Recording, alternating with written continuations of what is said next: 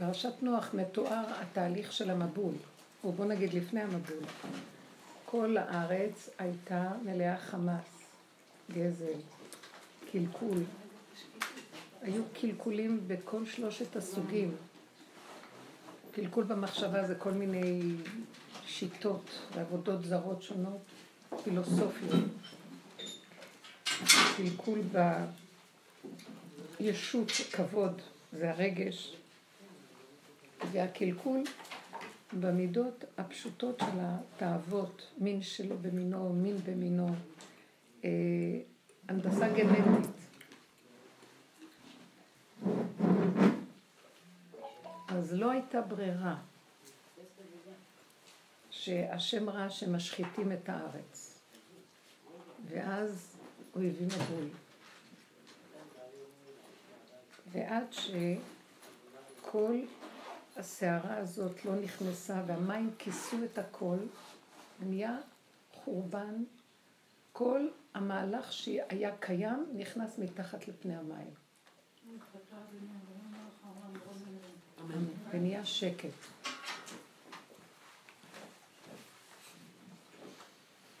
הכל צלל לתוך המים העמוקים. ואז בצבצה היבשה מחדש. יונה הייתה שליחה לבשר שכלו המים והתחילו לשקוע. ותשקוט הארץ ארבעים שנה. זה מופיע הרבה פעמים בשופטים, שהיו כל הזמן מלחמות, וכל פעם, ותשקוט הארץ ארבעים שנה. התהליך הזה, השם הבטיח שלא ידון רוחי עוד באדם, כי יצר לב האדם רע מנוריו, מחשבות ליבו רק רע כל היום, ואז אין דרך, הוא הבטיח שלא יהיה מבול בגוף הדבר. העולם לא יחרב שוב, כמו שנחרב באופן טוטאלי באלף, בסוף האלף השני של קיום כדור הארץ, שזה ששת אלפים שנה. אנחנו היום סופרים, הסוף של הששת אלפים, נשאר עוד 220 שנה לסוף האלף השישי, כאשר מה שקרה במבול היה ב-2500 שנה, קצת לפני.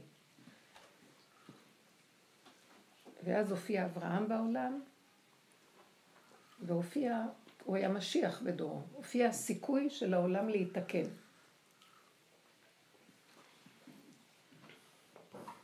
מה שאנחנו עושים בעבודה שלנו, אני רוצה לעשות סקירה. אנחנו עוברים את אותו תהליך, אבל בדרגה של נפש. עד שאנחנו לא נגיע, ותקשיבו טוב, אולי אני אגיד קודם, מה שאנחנו עושים בעבודה הזאת, אחרי שכביכול גוף האנושות תוקן על ידי התורה, החברה נראית יותר מתוקנת ממה שהייתה. יש חוקים, הכל כתוצאה מתורת ישראל, תורת עם ישראל, תורת השם, שממנה צמחו הדתות גם האחרות, וגם באומות העולם מקובל חוקים שלקחו אותם מהתורה. גם באסלאם לקחו הרבה דברים מהתורה, אמרו שאשתו של, של מוחמד וכל היועצים סביבו היו יהודים מומרים ו... והיו יהודים.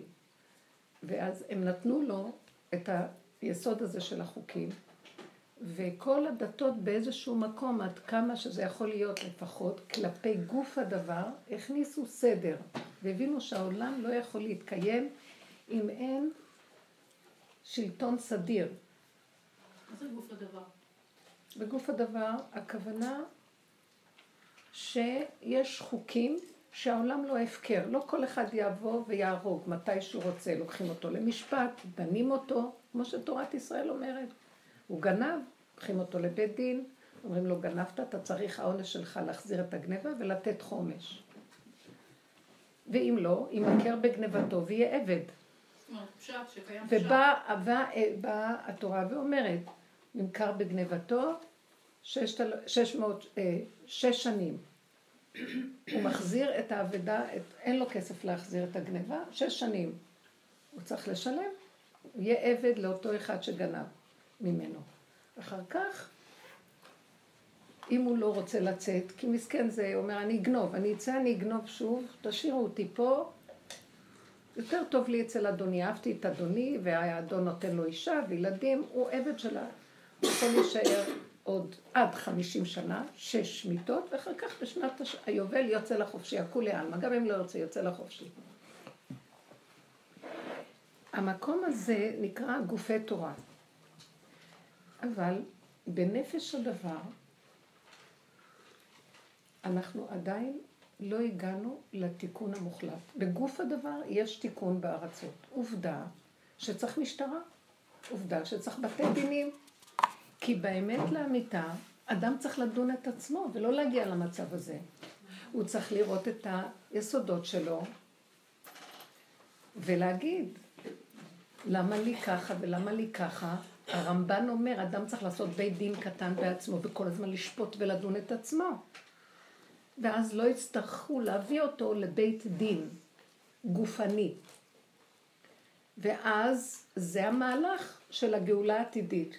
לא ילמדו זה את זה, לא יזדקקו זה לזה, לא יכנף עוד מורך, אתה לא תצטרך מורה שילמד אותך, כי מתוכך אתה תנצל את הכוח של החיות האלוקית ששוכן בתוכך, שזה השכינה, ואז אתה זה שתחזיק את עצמך, תבין שיש לך פה אחריות, ותבחר שלא לרצות ללכת בקלקול. לא לרצות להרוג, לא לרצות לגנוב, לא לרצות לחמוס.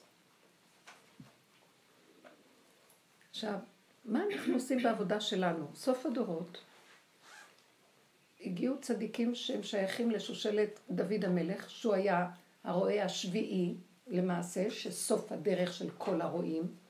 כל הסוגי משיחים למיניהם עד שהגיע דוד המלך. ודוד המלך עשה את העבודה במוחלט במדרגת הנפש. הוא לקח לידו את האחריות לא על גוף הדבר, על נפש הדבר. וההגדרה שלו הייתה חטאתי נגדי תמיד. מה זאת אומרת? הוא היה צדיק יסוד עולם. הוא היה אחד מראשי הסנהדרין. הוא היה תלמיד חכם, שדן בדיני ממונות ודיני אישות וכל הדינים. שלכלך את ידו בדם שליה ושפיר, כל מיני דינים הוא דן. איך הוא יכול לבוא ולהגיד, תשמעו חבר'ה, אני חוטא ופושע, כי חוטא ופושע אני. אז מה מראה לנו דוד המלך, שזו עבודת הסוף? בגוף, בגוף הדבר, העולם, בוא נאמר, מתוקן. שחררו עבדים, יש אמנציפציה, מה שנקרא, יש שוויון זכויות, יש דמוקרטיות ששואפות לשוויון, דנים, אה, רוצים לעזור למסכנים, לוקחים עליהם אחריות. אל תפריעו לי רק רגע. אה, רק שנייה, אני אגמור, אני אגמור, אני אגמור רק את הזה ואחר כך...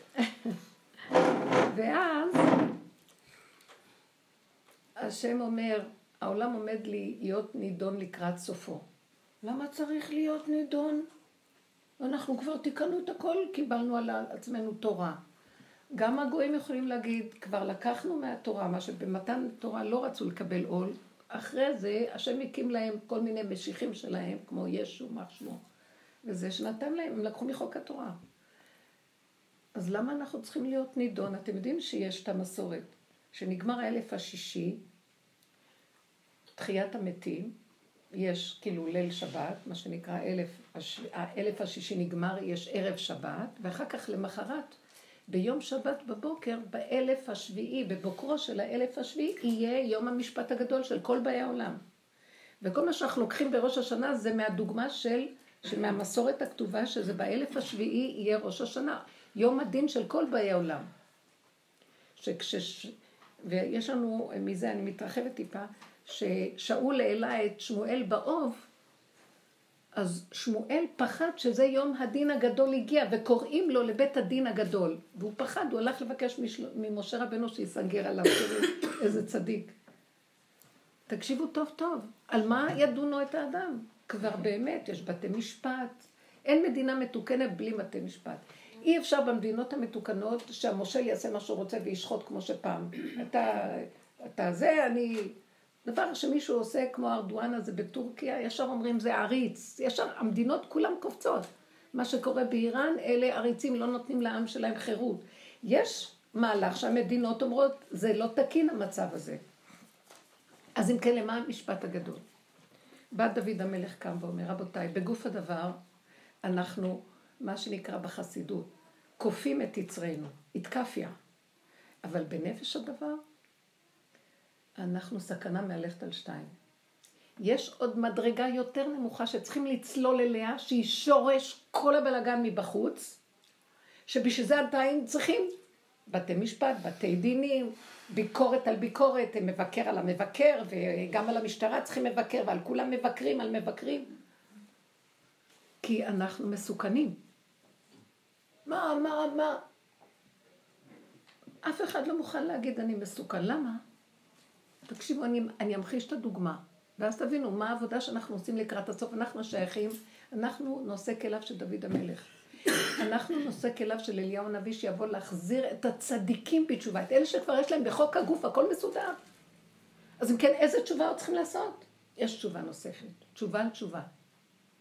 כאן זה תשובה מול העולם, כאן זה תשובה מול בורא עולם. אתה יודע מה? הוא חוקר כליות ולב, והוא יודע נסתרות. ואוי לנו מיום הדין והתוכחה שיפתחו את הפתוח ויסגרו את הסתום. לא, יסגרו את הפתוח ויפתחו את הסתום ויראו לנו מה. ויש שעה אחת שנותנים קודם זה אפשרות לתקן. מי מוכן לבוא? אבל מה זה לבוא? עכשיו אני אתן לכם דוגמה. בשבוע שעבר או לפני. לא שבוע שעבר, שבוע לפני שבוע שעבר, בן קם על אמו ורצח אותה, בקריית עקרון.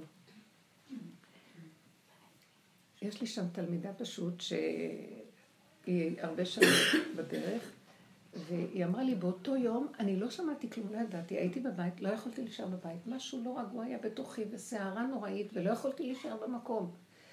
אז יצאתי מהבית, לקחתי אוטובוס לירושלים רק לצאת מפה. כשהגיעה לשם אז היא שמעה שהיה סיפור כזה בשכונה שלה, שזה אחת מקרובי המשפחה שלה. Yeah. הסיפור הזה. אז uh, היא התחננה שנבוא לעשות אצלה שיעור בבית במוצאי שבת, מה שבדרך כלל היא באה לירושלים לשיעור, כי היא עברה לדירה לשם לא מזמן, אבל היא הייתה בירושלים, והלכנו לשם. והשם שם לי דיבור כזה באמת. אמרתי להם ככה, אנחנו שייכים לעבודה הזאת של צלילה לתוך הנפש. זה דבר מאוד מאוד מאוד קשה. קודם כל אנחנו לא מבינים למה צריכים בכלל לצלול לנפש. והדרך היסוד שלה זה חטאתי נגדי תמיד. חפשו את הפגם, חפשו את השלילה, קחו את החיובי, אל תאמינו בחיובי. החיובי מטעה אותנו לגמרי, סוגר עלינו, לא נותן לנו להגיע לשורשים. לכו על השלילה. את רואה איך שאת אוהבת את הילד שלך? אימא רחמניה מדהימה. למה? וככה אנחנו לומדים בדרך שלנו, וזה מה שאליהו נביא מלמד אותנו. תסתכלי לעומק, את לא אוהבת אותו כי הוא הילד שלך, את אוהבת אותו כי הוא מספק לך סיפוק של אימהות. הוא נותן לך להיות אימא, הוא שומע מה שאת אומרת, הוא נותן לאימהות שלך, הרחבות הטבעית שלך כאימא מקום. אבל הוא מוותר על נקודת האמת שלו, כי הוא רוצה לרצות אותך, ואת מלמדת אותו איך לרצות אותך, את מפחידה אותו עם ההפחדות שלך, ואז המצפון שלו מבוא, הוא שונא אותך בתת הכרה. כי את לא נותנת לו את החיים באמת, את נותנת לו מה שאת רוצה שהוא יסדר, לפי שלשלת הדורות, חד גדיא, אבא שלך, אמא שלך הרגה אותך, ואת תרגי את הילד שלך, והוא ירוג את הילד שלו, וככה זה כולם. יותר אנשים עם הילדים מאשר האבות. כי למה אמרו, למה אמרו אה, כרחמי אב על בנים, כי הגברים, יש להם רחמים יותר מאשר לאימהות, אפילו שהם אומרים, אם רחמניה. אז באיזשהו מקום, האהבה שלך את הילד היא בעצם, אני יכולה להוכיח לך בפשטות שאומרת לו, אני כל כך אוהבת לך את החיים שלי מסרתי עליך. למחרת, למחרת הוא לא עושה מה שאת רוצה, הולך באיזה משהו אחר שבכלל מסעיר אותך, את מוכנה להרוג אותו. ברור שאת לא מוציאה את זה לפועל, אבל את מרעילה אותו עם הדיבורים שלך, את כועסת עליו, את עודפת אחריו. בוגד שכמוך אין לך זה, זה, ואז המצפון שלו מסכן, לא מבין מה הוא עשה, אבל אימא שלו, והאימא זה דבר חשוב בחייו, אז מה הוא יעשה?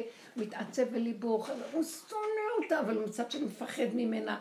הוא מתחיל לחיות חיים שהוא לא יכול לסבול את החיים שלו, ואז הוא בורח ממנה, ואז אין לו ברירה, כי היא רודפת אחריו, ואז המצפון, וככה החיים שלנו. בא דוד המלך ואומר, את זה תשימו לב. האימא הזאת, שהיא היום אוהבת אותו, מחר היא תוכל להרוג אותו. נשים רחמניות בישלו ילדיהן. אל תפריעי לי בבקשה. בישלו ילדיהן. אז מה זאת אומרת? עכשיו, האימא צריכה לשים לב שהכוח הטבעי שלה הוא מאוד מאוד מאוד חזק. כוח האימא זה הכוח הכי חזק בכדור הארץ. זה הכוח של הטבע הכי חזק. יש מצווה בתורה שנקראת שילוח הקן. שלח את האם ואת הבנים תיקח לך. כי תראי קרא לפניך כד ציפור. זה לא מלכתחילה שאתה הולך להילחם נגד האימהות. אתה הולך לדרכך ומשהו תוקף אותך. תעצור. הטבע כאן, האימא מסמלת את הטבע. הטבע שכוח השכינה שבו נכנס לאיזה כיסוי והוא הולך בחוק האנרציה ומתגלגל לו. לכי תעצרי את המכונה הזאת המשומנת שנקראת טבע, שאין בה צדק ויושר באמת. אז המצווה הזאת נראית מאוד מאוד אכזרית. מה זאת אומרת, האמא מגוננת על הגוזלים שלה? כן. משהו פסטורלי. למה לא להוציא אותו, את האמא לשלח?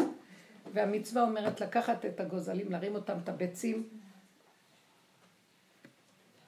זה כאילו, את מרימה אותם, עושה תנופה, יש גדרים למצווה, מרימה אותם, חלקו ונחלתו של השם.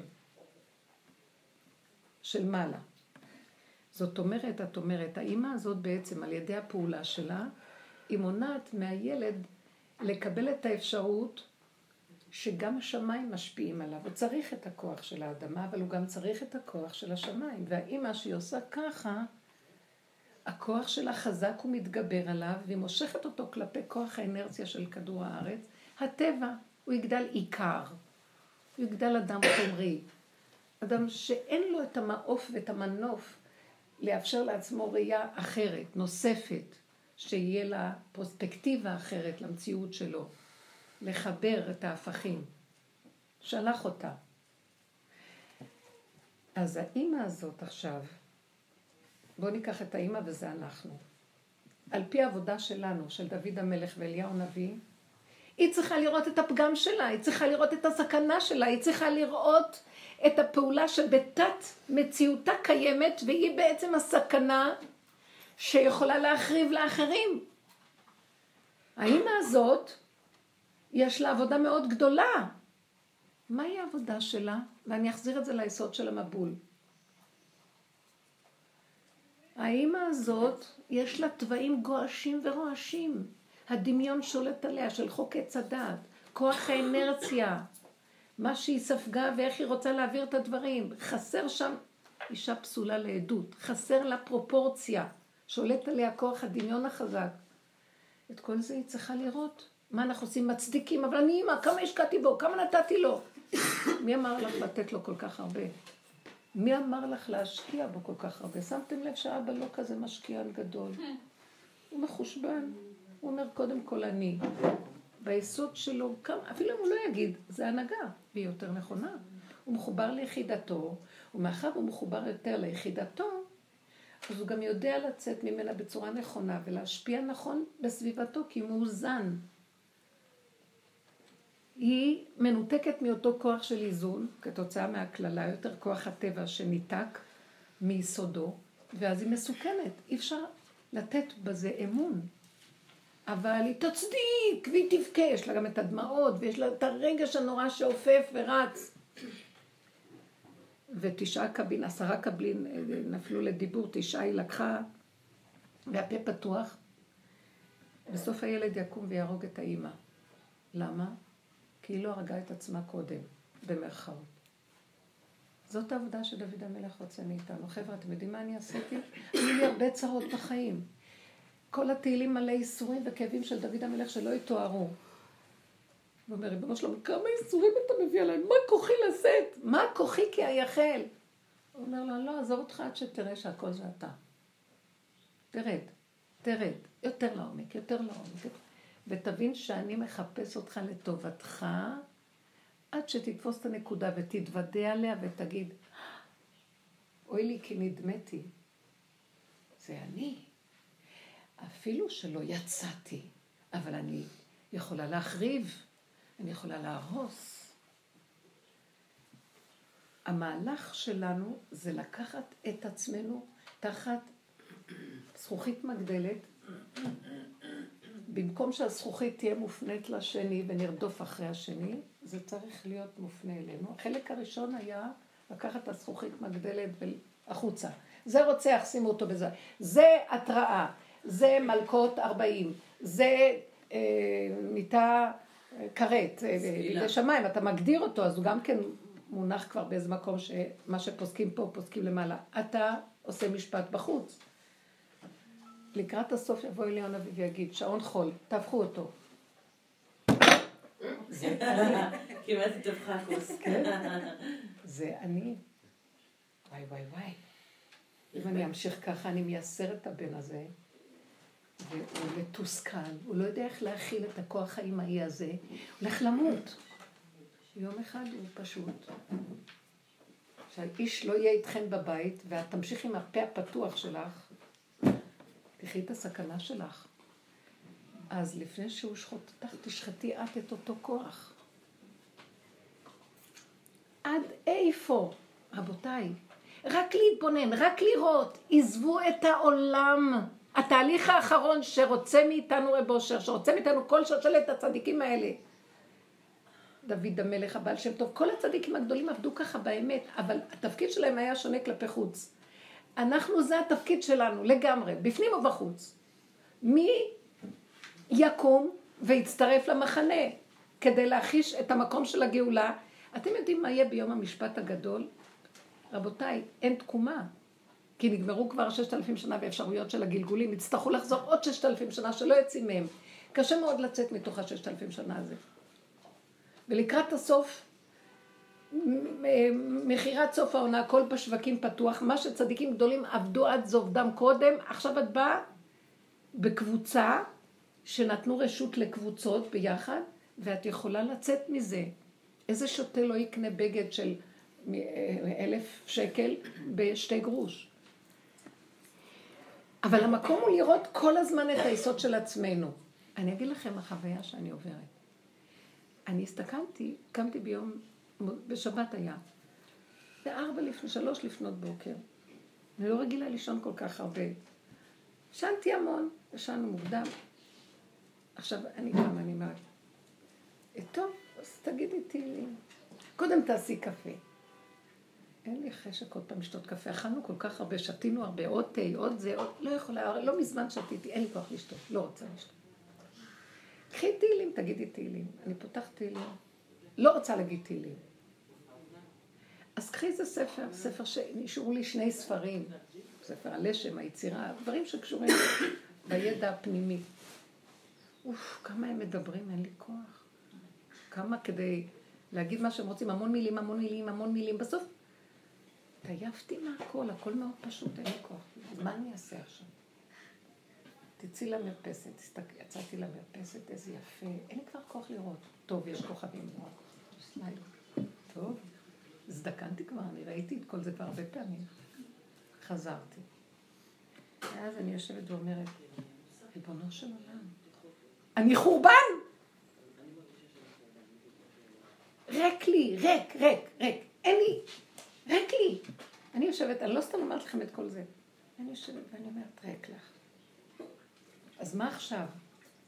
ואז בפנים אני אומרת, כלום, תנשמי, שבי בספה ותנשמי. מה, את חייבת לעשות משהו?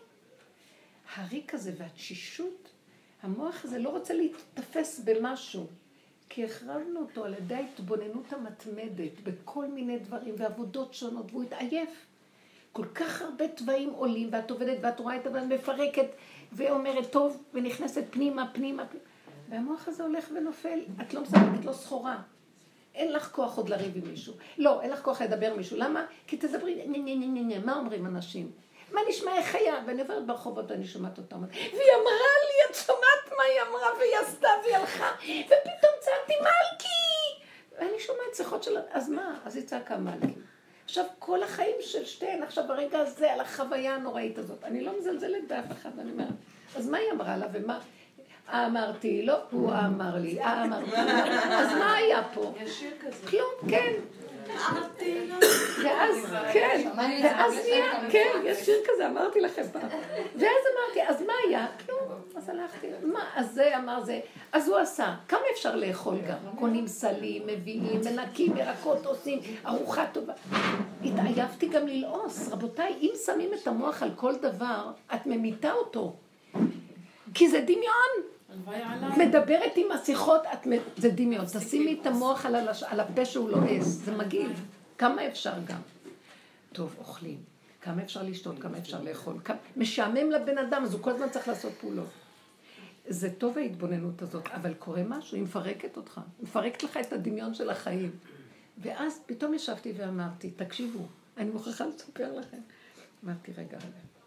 הייתי אה, בעבודה גדולה ציבורית. איך שהתחתנתי, לא יודעת, אור כזה של עבודה ציבורית, פתחתי עמותת חינוך, מה לא עשיתי טוב? עשרים שנה.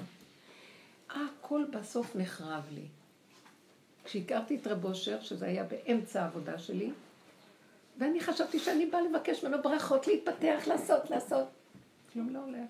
נהיה הלוך וחסור, הלוך וחסור, הלוך וחסור, עד שהגעתי לנקודה שהשקר היה נורא ואיום.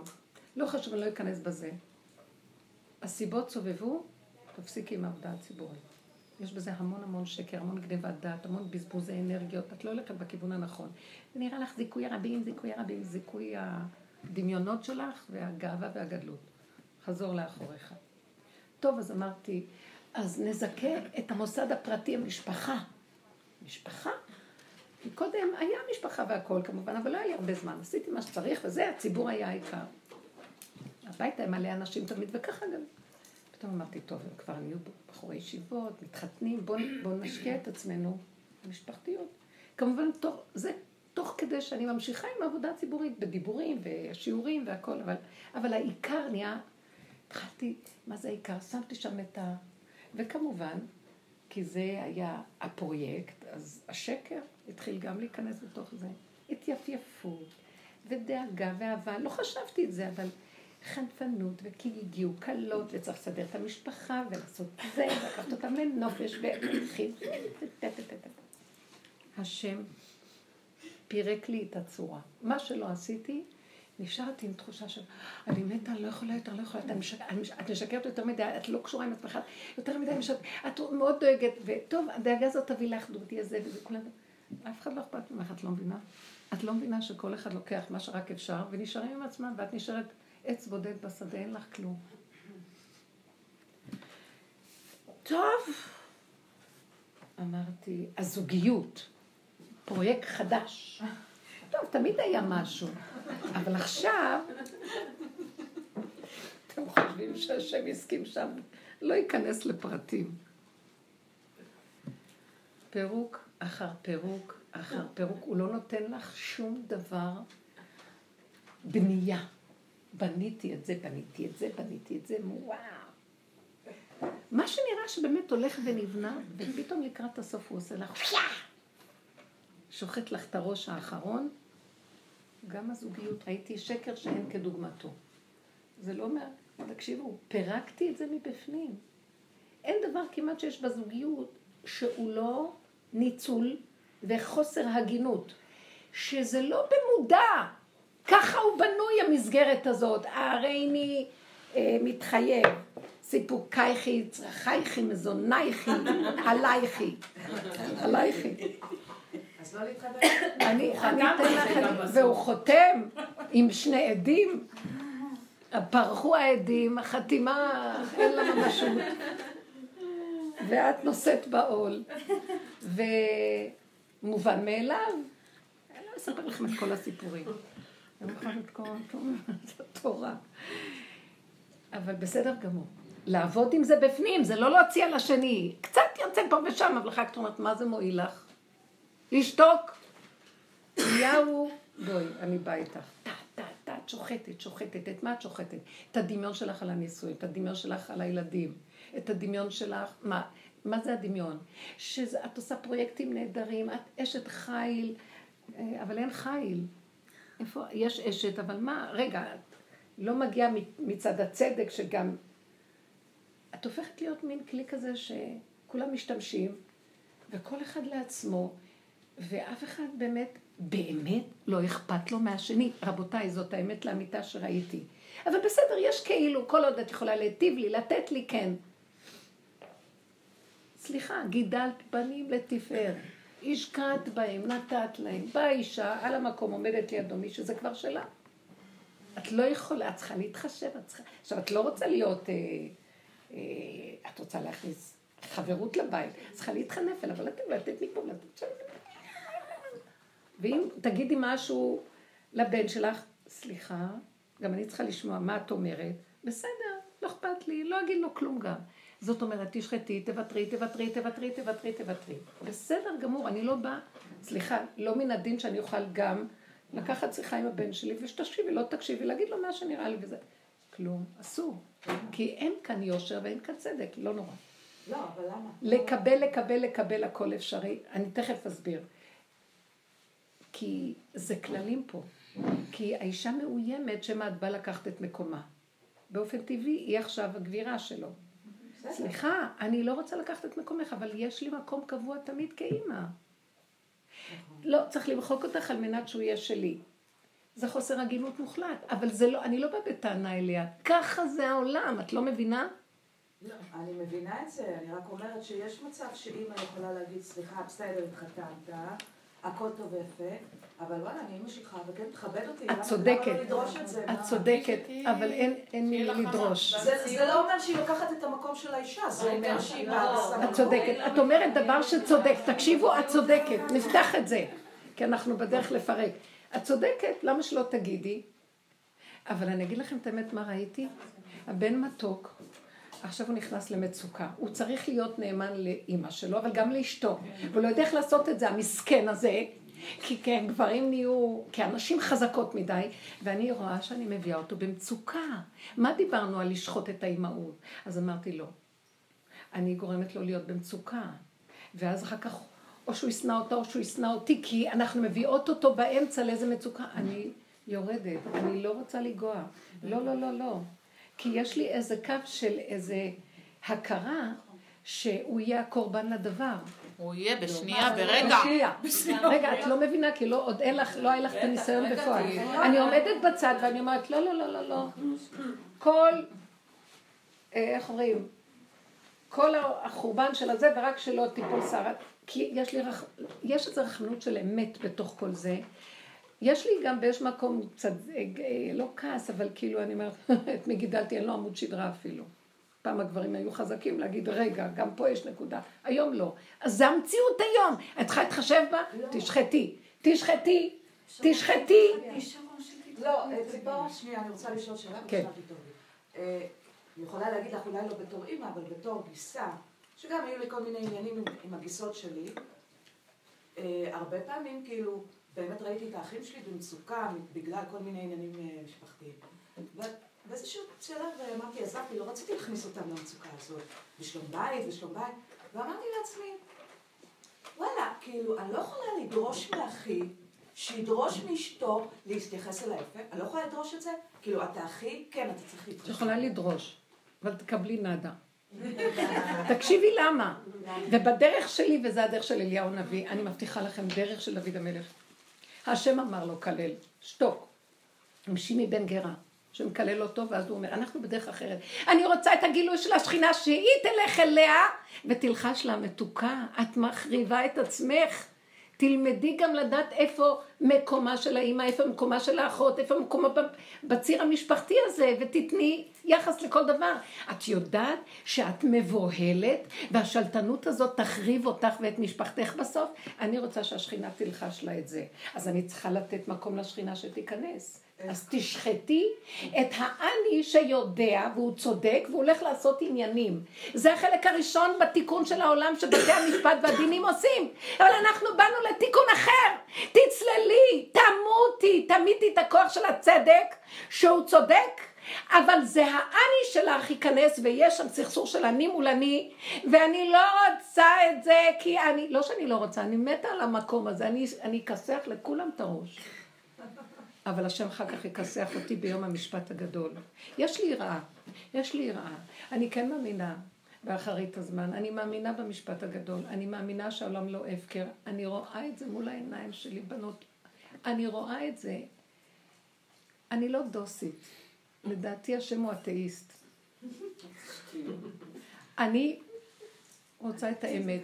יש השם, ויש דין ויש דיין. מה שעשו מהדתות האלה, סליחה שאני אומרת, כולל מה שקורה אצלנו.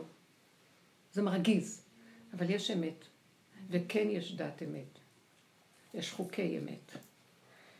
ואני צריכה ליישם אותם קודם כל על עצמי בדרגה הפנימית הזאת, כי השם רואה אותי ואני מחייבת את המשפט אליו. זה כבר לא מול הבתי דינים ומול המשטרות, בגלל שגם שם יש המון שקר שלא תופסים, כי רק השם יראה ללבב, ואדם יכול לשפוט לעיניים שלו, אבל רק השם יראה ללבב בסוף, לא רואה לנו מאותו רגע.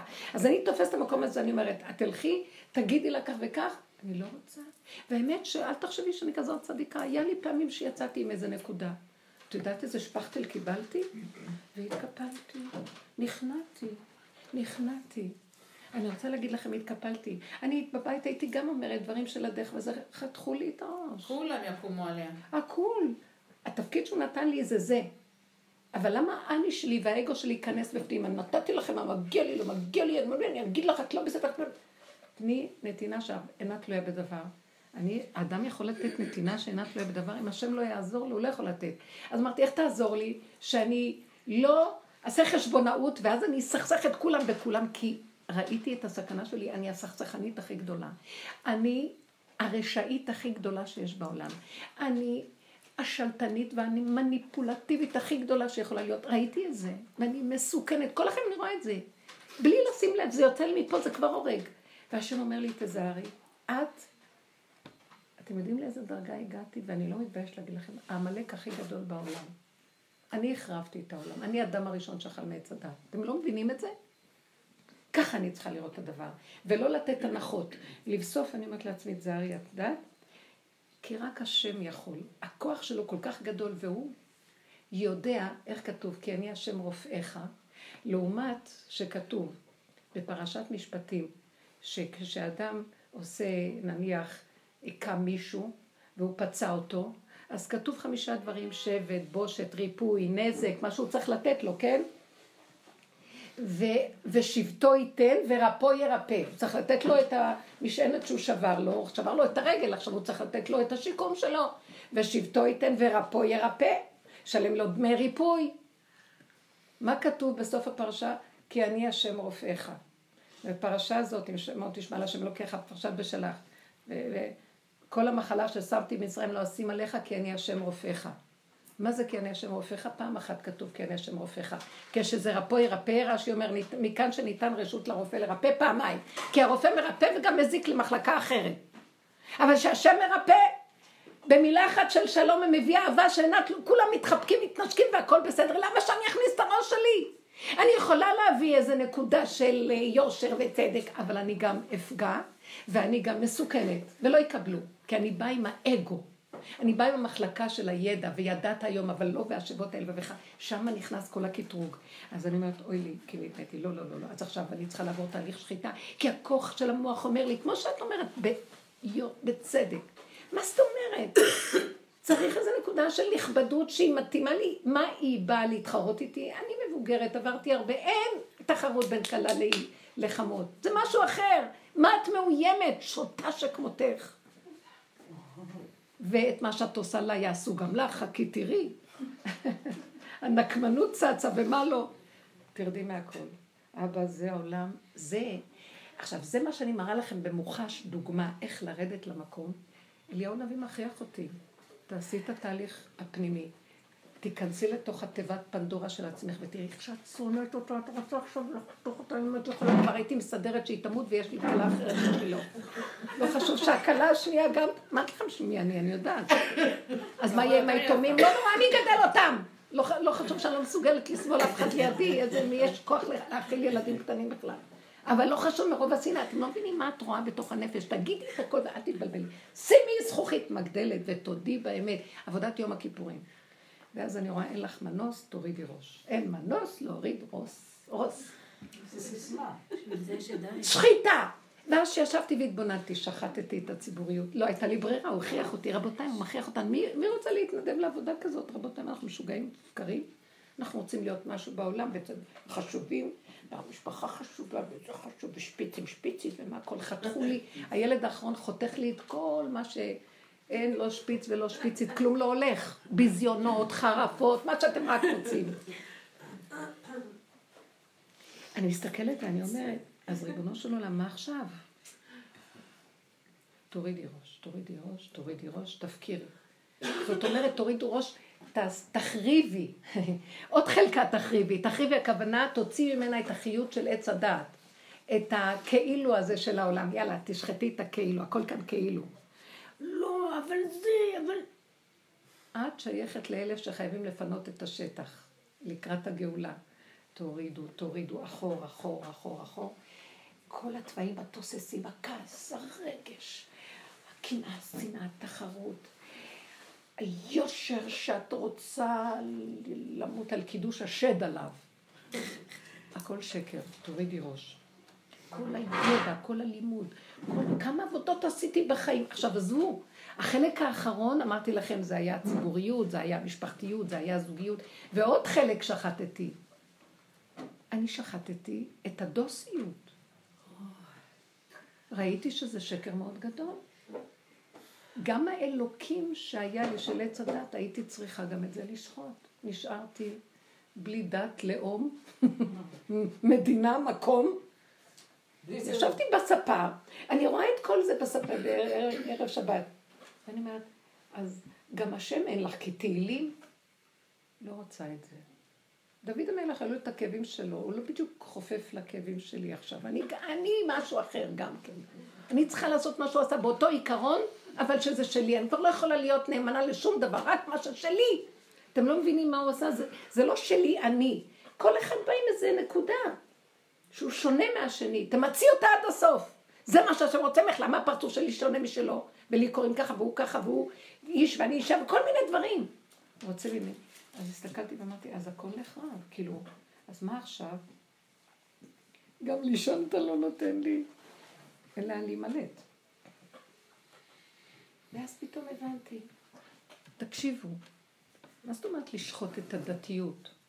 אני מוגדרת היום כבן אדם שאין לו, באמת, בתוך הנפש שלי, תבינו מה קרה פה. חזרתי להיות אדם הראשון לפני הכל. אין לי לאום, אין לי דת, אין לי אה, הגדרה של משפחה, ו... ותקשיבו, בתוך הנפש, באמת, באמת. ואני אסביר לכם למה אני אומרת את זה. כי אין כלום. ואז אני מסתכלת ואומרת, בכל אופן, יש הכל. יש משפחה לתפארת. אם רוצים אה, לכתוב עליי ב... במשפחה. ויש אה, בעל,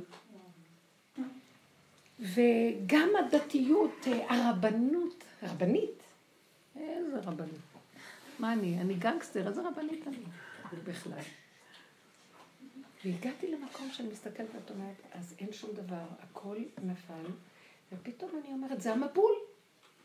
ואז נפל לי הנקודה.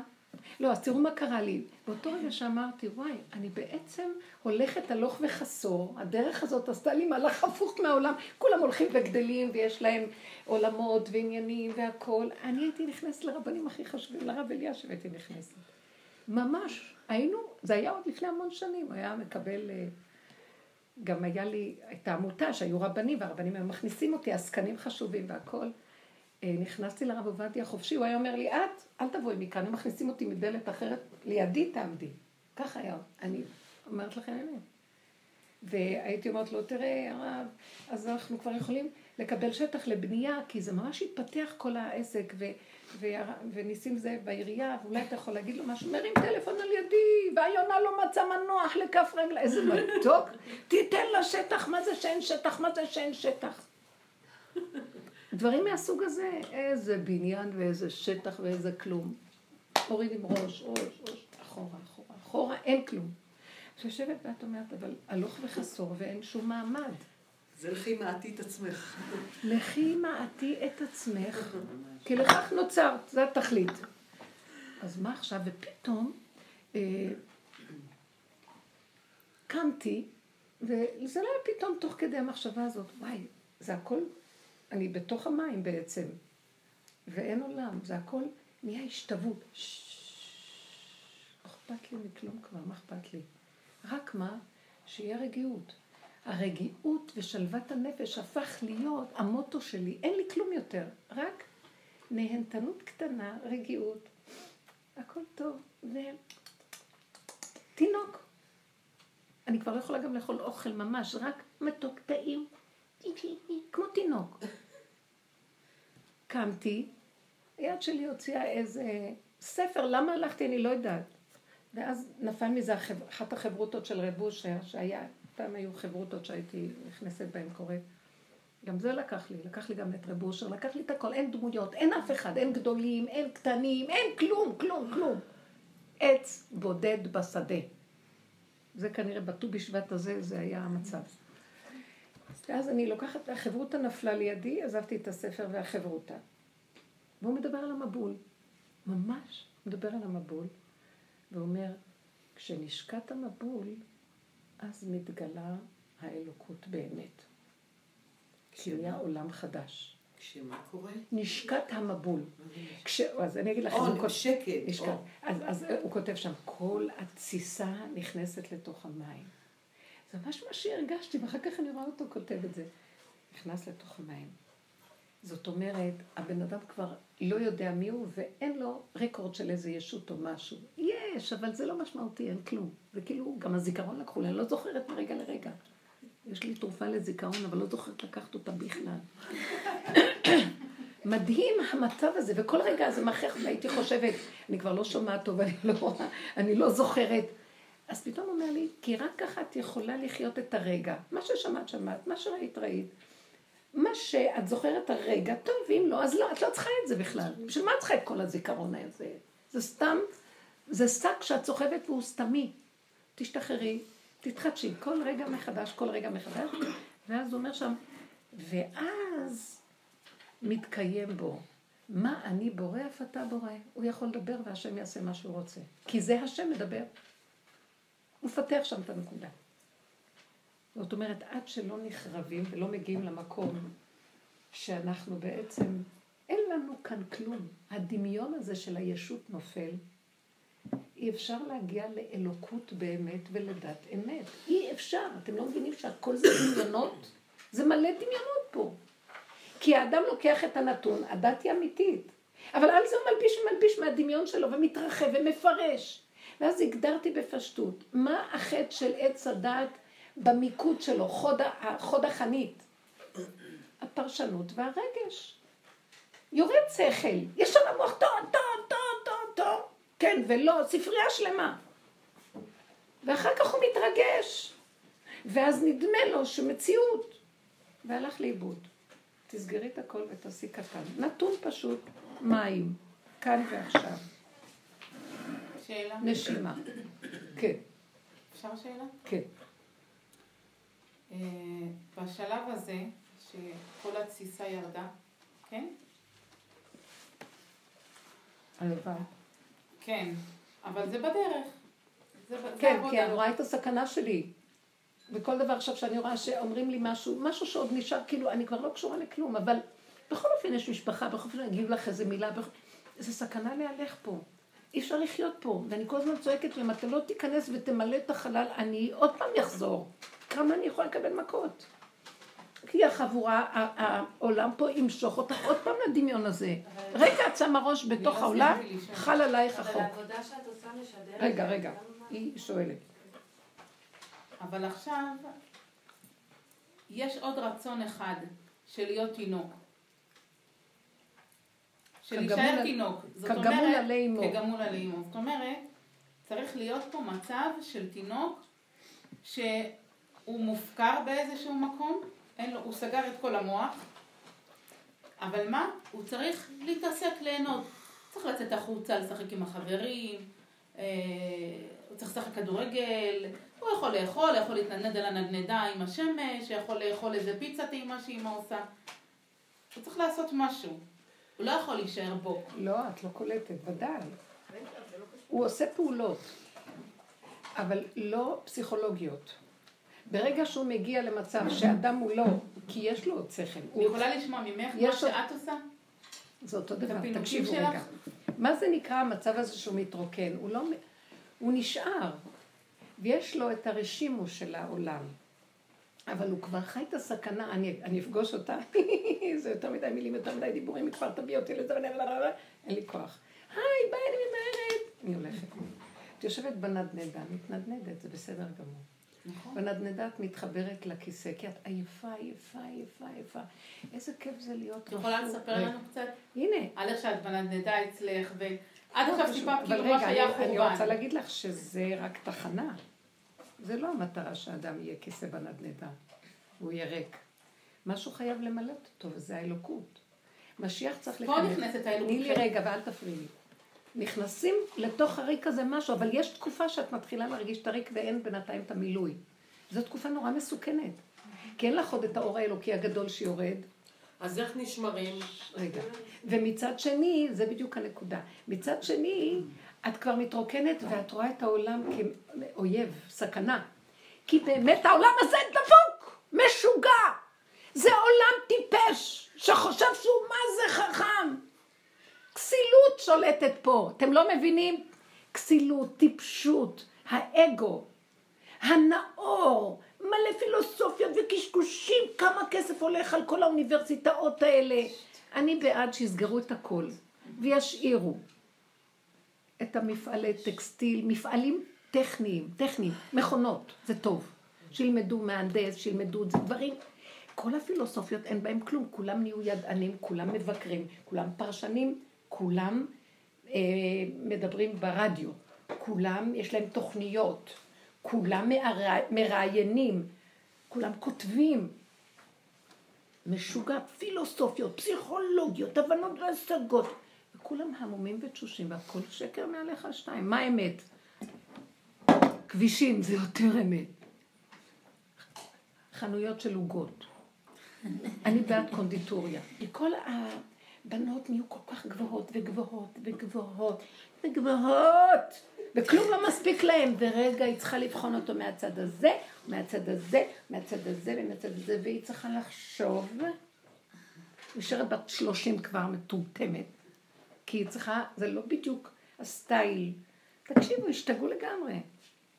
אז הפשטות, הפשטות הפשוטה של הקיום, עם ניקיון פשוט של משהו צעיר, לא מסובך ופשוט. ספרי לי על זה. ספרי לי על. זה, אני רוצה דוגמאות. אני לא מוותרת לך. את רוצה דוגמה?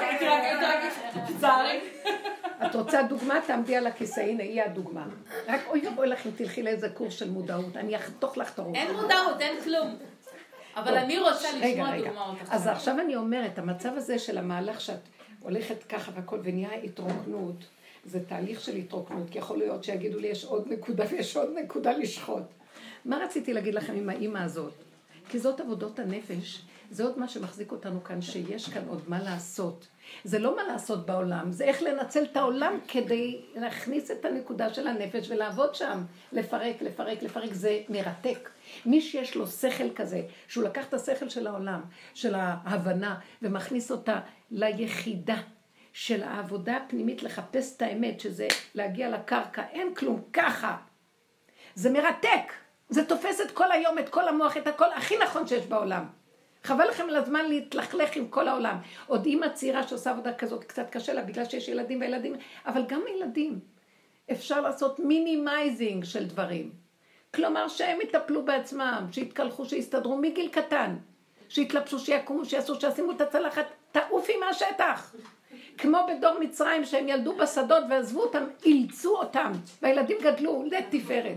זה היה דור של חירות. אומר המהר"ל שהשם ראה את אותו דור, את הילדים האלה, שלא היה להם את החוק של האימא, הטבע שחונק, הם היו ראויים לחירות, הוריד את נשמת משה רבנו לגאול את העם, בזכות המצב הזה. אז זו הייתה גזירה טובה בעצם. רגע, המצב הזה של מה נשאר? בחלק הזה שעוד לא התמלא באור של משיח באמת, שמה זה כוחו של משיח? תקשיבו, בתוך הגולם הזה. כוחו של משיח שמתיישב עלייך, את מתהלכת בעולם, את רואה שאין עולם. את רואה, חושים, נכנס אור שרואה. אין אף אחד, אין ממי לפחד. את רואה רמסים, את רואה את הפלסטינים ואת הרוצחים, הם רמסים קטנים. מסתכלים עליך, הם יפחדו ממך ויגידו, אללהו אכבר, ויברחו אחורה. הם יפחדו ממך, כי אין אף אחד פה. הדמיון של הבן אדם עושה מהם, מה יהיה, מה יהיה, מספיק רק שמועה כזאת, ועכשיו את מדמיינת איך הוא רצח אותו, הוא ייתן לך לו וזה, אף אחד לא קיים. ובאמת, אנחנו נותנים להם את הכוח. כי התודעה הזאת של עץ הדת, היא נותנת את כל המצב הזה. ואורו של משיח זה את הולכת ואין אף אחד. ברוח הפיו ימית רשע, הוא רואה את הרשע, הוא רק מסתכל עליו, ההוא חוטף חרדה, בהלה, נגמר לו, מתעלף, הולך. תקשיבו, כזה אור צריך להיכנס לעולם. אבל אנחנו צריכים לתת עבודה מוקדמת, לפרק את כל מה שמפריע לאור הזה להתגלות. וזה ההתבוננות, ושחיטה אחר שחיטה אחר שחיטה, אותה אימא. היא הייתה צריכה לשחוט את עצמה קודם, היא הייתה צריכה לעשות לעצמה שילוח הקן, כדי לזכות את הבן שלה לחירות. היא לא בחרה את זה, לא ידעה, כי לא יודעים. בסוף מה שקרה, את לא נשחטת, אני אשלח אותו וישחט אותך. אתם יודעים מה ראיתי בסיפור הזה? גילוי בורא עולם. עכשיו מתגלה המשיח כתוצאה מהשחיטה הזאת. זה נשמע מזעזע מה שאני אומרת? בגלל שאין לקדוש ברוך הוא רצון שנשחוט בני אדם. הוא רוצה שנעשה שחיטה בנפש. שחיטה בנפש היא קשה, זה לתת קורבן, תנו קורבנות. תנו קורבנות בנפש, לא יצטרכו קורבן בגוף. פעם נכנסנו, הייתי הולכת לפנות בוקר לכותל להתפלל בסיקין, והיה אז האנטיפדה הזאת, שלא זוכרת איזה הייתה שנייה, לא יודעת מה. היו כמה ואז היו מלא מלא חיילים בכותל שמה, ונכנסתי עם איזה מישהי ששייכת לרבוש החברות. אז היא אומרת לי, כל החיילים האלה עומדים פה. בשנייה נכנס איזה מחבל עם רימון, אז היו מתאבדים עם רימונים ומפוצצים את כולם מסביב. בשנייה נכנס מחבל לפוצץ את כולם. מה את חושבת שהשומרים האלה יכולים לשמור? דיברנו בינינו על הדרך, בדרך. אז הגענו לאיזו מסקנה שאם האדם, כשהוא כועס, אם הוא היה רואה את עצמו במצלמה, איך הוא נראה, כשהוא כועס ושונא, זה להטיל פצצת רימון על הסובב. וכולם נהיו רסיסים רסיסים. אם אנחנו היינו במקום הזה מאפקים ונכנסים, לא היה המחבל ההוא נכנס ועושה כלום. למה הוא נכנס? להמחיש לנו איך אנחנו נראים. מישהו רואה את המפה ככה? מישהו קורא את הזה? שולחים שוטרים, שולחים זה עומדים עכשיו. שוטים שכמותכם. תסגרו את זה, נבוא מפה, יסגרו את זה, יבוא מפה, תתבוננו למה כל זה קורה. שמים חומות גדר. החומות צריכות להיות פה, ואז הכל ייפסק, וזאת העבודה שעושים. אז עכשיו צריך לשער עד כדי כך ריקים, שבסוף אין לך כבר כוח לעשות שום חומה, שום כלום, ואת אומרת לו, חטאתי נגדי תמיד, אין לי כוח, גם חרטה אין לי. כי מה שאני לא עושה, עץ הדת הזה לא נגמר, מעוות לא יכול לתקון עוד פעם, עוד פעם. אני רק יוצא ראש החוצה, עוד פעם המנגנון פועל. מי יכול, מי יכול, המנגנון, עשיתי מה שאני יכולה, ואתה חייב בסוף לנתק את החלק האחרון שלו. אני לא יכולה לעשות את זה. הלידה, הסוף, אומרים ליולדת, אל תעשי כלום, גם לא ללחוץ. מפריע, שקט. אז יוצא הראש. אז זה רק אתה צריך לעשות לקראת הסוף.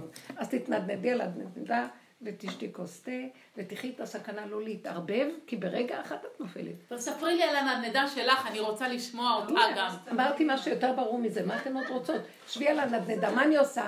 ישבתי בספה. כל המהלך הראשון הסברת אותו יפה. עד שחתכו את הראש הסברת יפה. תקשיבי, אני יושבת בספה, בואו נחזור לסיפור. לא נשאר לי כלום, ישבתי בספה ואמרתי, תשבי, בסדר, זה גם תשבי שלב. בספה, תהני מהישיבה. אתם יודעים מה קרה? בדרך כלל אדם, יש לנו היפראקטיבי במוח, לא נותן לנו כלום. מה, מה, מה, מה? הוא נעלם. את יכולה לשבת שעתיים ולא להרגיש זמן בכלל. כמו ילד קטן שלא מרגיש אני כלום. כל הזמן... משועשע, עצם זה שהוא ככה, נושם. עבר, עבר, עבר. בדיוק. לא, אני לא מצליחה לשבת שעתיים. כל הזמן יש איזה פיקוח חיצוני. אפשר לשבת. כי זה, הכוח הזה, איך עבר אנחנו. עובדים עליו, זה מה שהיא רוצה לשמוע. את טוחנת אותו, טוחנת אותו, טוחנת אותו, ואת רואה אותו, הוא מפריע לי, הוא מפריע לי, את מתחננת להשם. את נוגעת בפגם ואת מפרקת ומוסרת את התפילה. עבודת יום הכיפורים, זה מה שאנחנו עושים פה. בכל רגע שמשהו מפריע לך, זה המוח הזה. עד שלא מפריע לך כלום. זה נקרא המבול. כל התוואים האלה נכנסים מתחת למים עד שנהיה שקט. ואז, די. איך יש מילה בערבית, הם אומרים? תדיה. שקט. אבל קצת סוכריה, קצת מתוק לך בכלום. מתוק עכשיו, שעה, שעתיים מנדנדה, יופי. אחרי זה יש עוד שלב, עוד משהו מתוק, עוד מי משהו מתוק? עוד משהו מי מתוק. זה אומר לך אחרי? הוא לא חיה, הוא, ככה.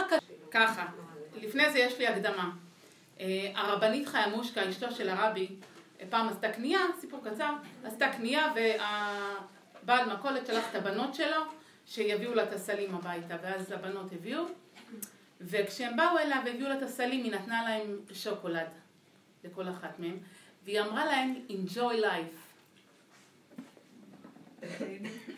אה, באמת לעתיד לבוא, הם, אה, היה להם תקופה באמת קשה בחיים, אבל הם כל כך זכרו את זה, הם היו צריכים את המשפט הזה שיהיה חקוק להם, של enjoy life, ליהנות מהרגע. המהות של הרבנית חיימושקה היא, מתי היה השיא שלה זה עכשיו והרגע. אז אני מדבר, עכשיו את אומרת כל דבר עם הסיבה שלו, ברור לי. אז אני רוצה לשמוע ממך גם כן, אמ, אני רוצה לשמוע ממך גם על הנאות. אני רוצה לראות איך את גונבת את ההנאות הפרטיות שלך, והן לא חייבות להיות הנאות גנובות, כמו שהיה גנוב מקודם, שרצית את התהילה והכבוד. וה... אלה כבר את לא מתעסקת איתם. את מתעסקת עם הנפש הקטנה, העלובה הזאתי, נותנת לה כמו תינוק. את זה אני רוצה לשמוע ממך. האם זה ברור? מאוד יפה אמרת. לא, בסדר, היא שואלת שאלה ואנחנו כבר דיברנו על זה, אני אחדד את זה עוד פעם. התינוק הזה עכשיו, אתם רוצים שאני אגיד לכם משהו? הופיעו לי בחיים שלי, ב, ב, בזמן העבודות האלה, בשנים האלה, שזה כבר איזה עשרים ומשהו שנה, שני חלומות שהיו מאוד מאוד מטרידים אצלי. אני חייבת לפתוח אותם ולהגיד אותם. חלום אחד היה שהוא חזר על עצמו המון פעמים, שאני לא מצליחה להגיע לה, להכניס את השבת. ואני כאילו ברגע האחרון, אני תמיד עסוקה, עסוקה, עסוקה, ועושה כל מיני דברים עם ציבור, עם זה, עם כל מיני... ואני לא מצליחה, ומגיע, ו, ופתאום אני קולטת שזה שבת, כניסת שבת, ועוד לא, באתי הביתה ועוד לא שמתי את הסיר, ועוד מעט שקיעה, ואני רואה את העננים, ואני רואה את השקיעה, ואני רואה את זה, ואני שמה סיר, אבל אין לי תפוחי אדמה, ומה אני אעשה, מה אני אעשה, והסערה והבהלה גומרים עליי, וככה אני מתעוררת. וזה חלום שחזר לעצמו המון פעמים. אני הייתי עמומה מהחלום הזה, וכל פעם מחדש. ואני רואה אנשים שאצלי בבית כבר נכנסו לשבת ואני עוד לא. אנשים שאני מכירה וכל מיני. זה חלום אחד. וחלום שני הוא שיש לי, שאני מסתובבת בבית, ו, ופתאום אני מגלה שיש לי תינוק קטן. ואני מסתכלת על התינוק ואני נבהלת, לא אכלתי אותו כבר כמה ימים. ואני מנסה להשיג בקבוק, אבל הוא לא יכול ואת זה לא, ואני בסרע ובתוהו ובוהו, ולא, אין לי מה לתת לתינוק הזה לאכול. ואני מתעוררת בחרדה ואימה. והחלום הזה מופיע. בואו נחזור לחלום הראשון. עשיתי המון התבוננות בחלום הזה, ואמרתי, מה המצב הזה? אולי אני צריכה בחלק הראשון להכניס שבת מוקדם ולהתחיל את השבת, אה, כל השטויות האלה, כלום כלום, זה לא שייך בכלל. ועקבתי אחר עצמי, הסתכלתי, ויום אחד שהתבוננתי, התחננתי לה, שהתפללתי, התבוננתי, הסתכלתי, נפל לי האסימון. עבודה בפגם. אני חייבת להגיע גם בדרך, האסימון הזה נופל. אני מסתכלת על הפגמים, אני עובדת עליהם. חטאתי נגדי. עד שהגעתי למילה תמיד, ונרגעתי. לעולם שאני אהיה פגומה. לעולם שאני לא יכולה להכניס את השבת. לעולם שכל עבודה שאני אעשה, אני יכולה עד גבול מסוים.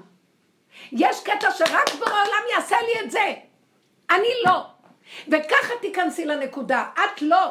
כי אם אני אכנס, אם אני כן, תחזרי לעץ הדת, כי את כן, יש לך משהו. רבותיי, מהרגע שקלטתי את זה והתיישבה עליי דעתי, חזרתי על זה עוד פעם ועוד פעם ועוד פעם, חיברתי לעבודות השונות שלי, שאמרתי, כמה עבודות אני עושה, ועוד פעם זה חוזר, כי לעולם זה לא ייגמר. ואז התחברתי עם המעוות לא יוכל לתקון של קהלת, זהו זה. אבל את צריכה לעשות את שלך עד זהו זה, כל עוד יש לך כוחנות של עץ הדת, הבנה, השגה, לפרק את המוח ולהתבונן ולעשות ולמות ולקום ועוד פעם ועוד פעם ועוד פעם ותשתקי ותקברי ומה לא, תשחטי. ואחרי זה עוד פעם הראש קם. אם אני אוציא את הראש הזה החוצה לעולם, אני אפול. אז אם כן, נשאר מקום. אני עשיתי את שלי, יותר אני לא יכולה. וזה היה החלום. להכניס את השבת אני לא יכולה. אני יכולה עד הכניסה. את הגאולה הזאת אתה תעשה לי. אני לא יכולה יותר כלום. אני אדם חסר. רק האור שלך ישלים, וזה החיבור והזיווג של היוצר והנוצר והנברא. ירגיע אותי החלום, הפסיק החלום הזה. עכשיו בואו ניקח את הילד שזה קורה. וזה יותר מוחשי לזמנים שלנו. אני רואה את התינוק הזה, ואני רואה, ואני נגמרת, ואני גם לא יודעת את פשרו, ופלא שלא קישרתי בין השניים. ופתאום קלטתי, כן.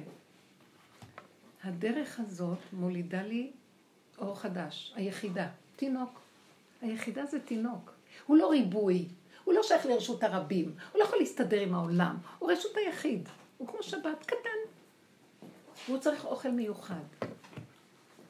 והוא קיים אצלי, הוא נולד. אבל יש אוכל שאני לא יכולה לתת לו. חפשי את הבקבוקים עד מחר, איזה חלומות זוועה. אתם יודעים מה זה? שילד מת לך מול העיניים ואת לא יודעת איך, מה לעשות איתו. באמת, אני רק נזכרת בזה, זה המצוקה. ואז הגעתי לאיזה נקודה פתאום, שהשקתי אותה לחלום הראשון, זה בכלל נעלם לי החלום הראשון, זהו, נגמר, זה היה מזמן. ואמרתי, זו בדיוק אותה נקודה.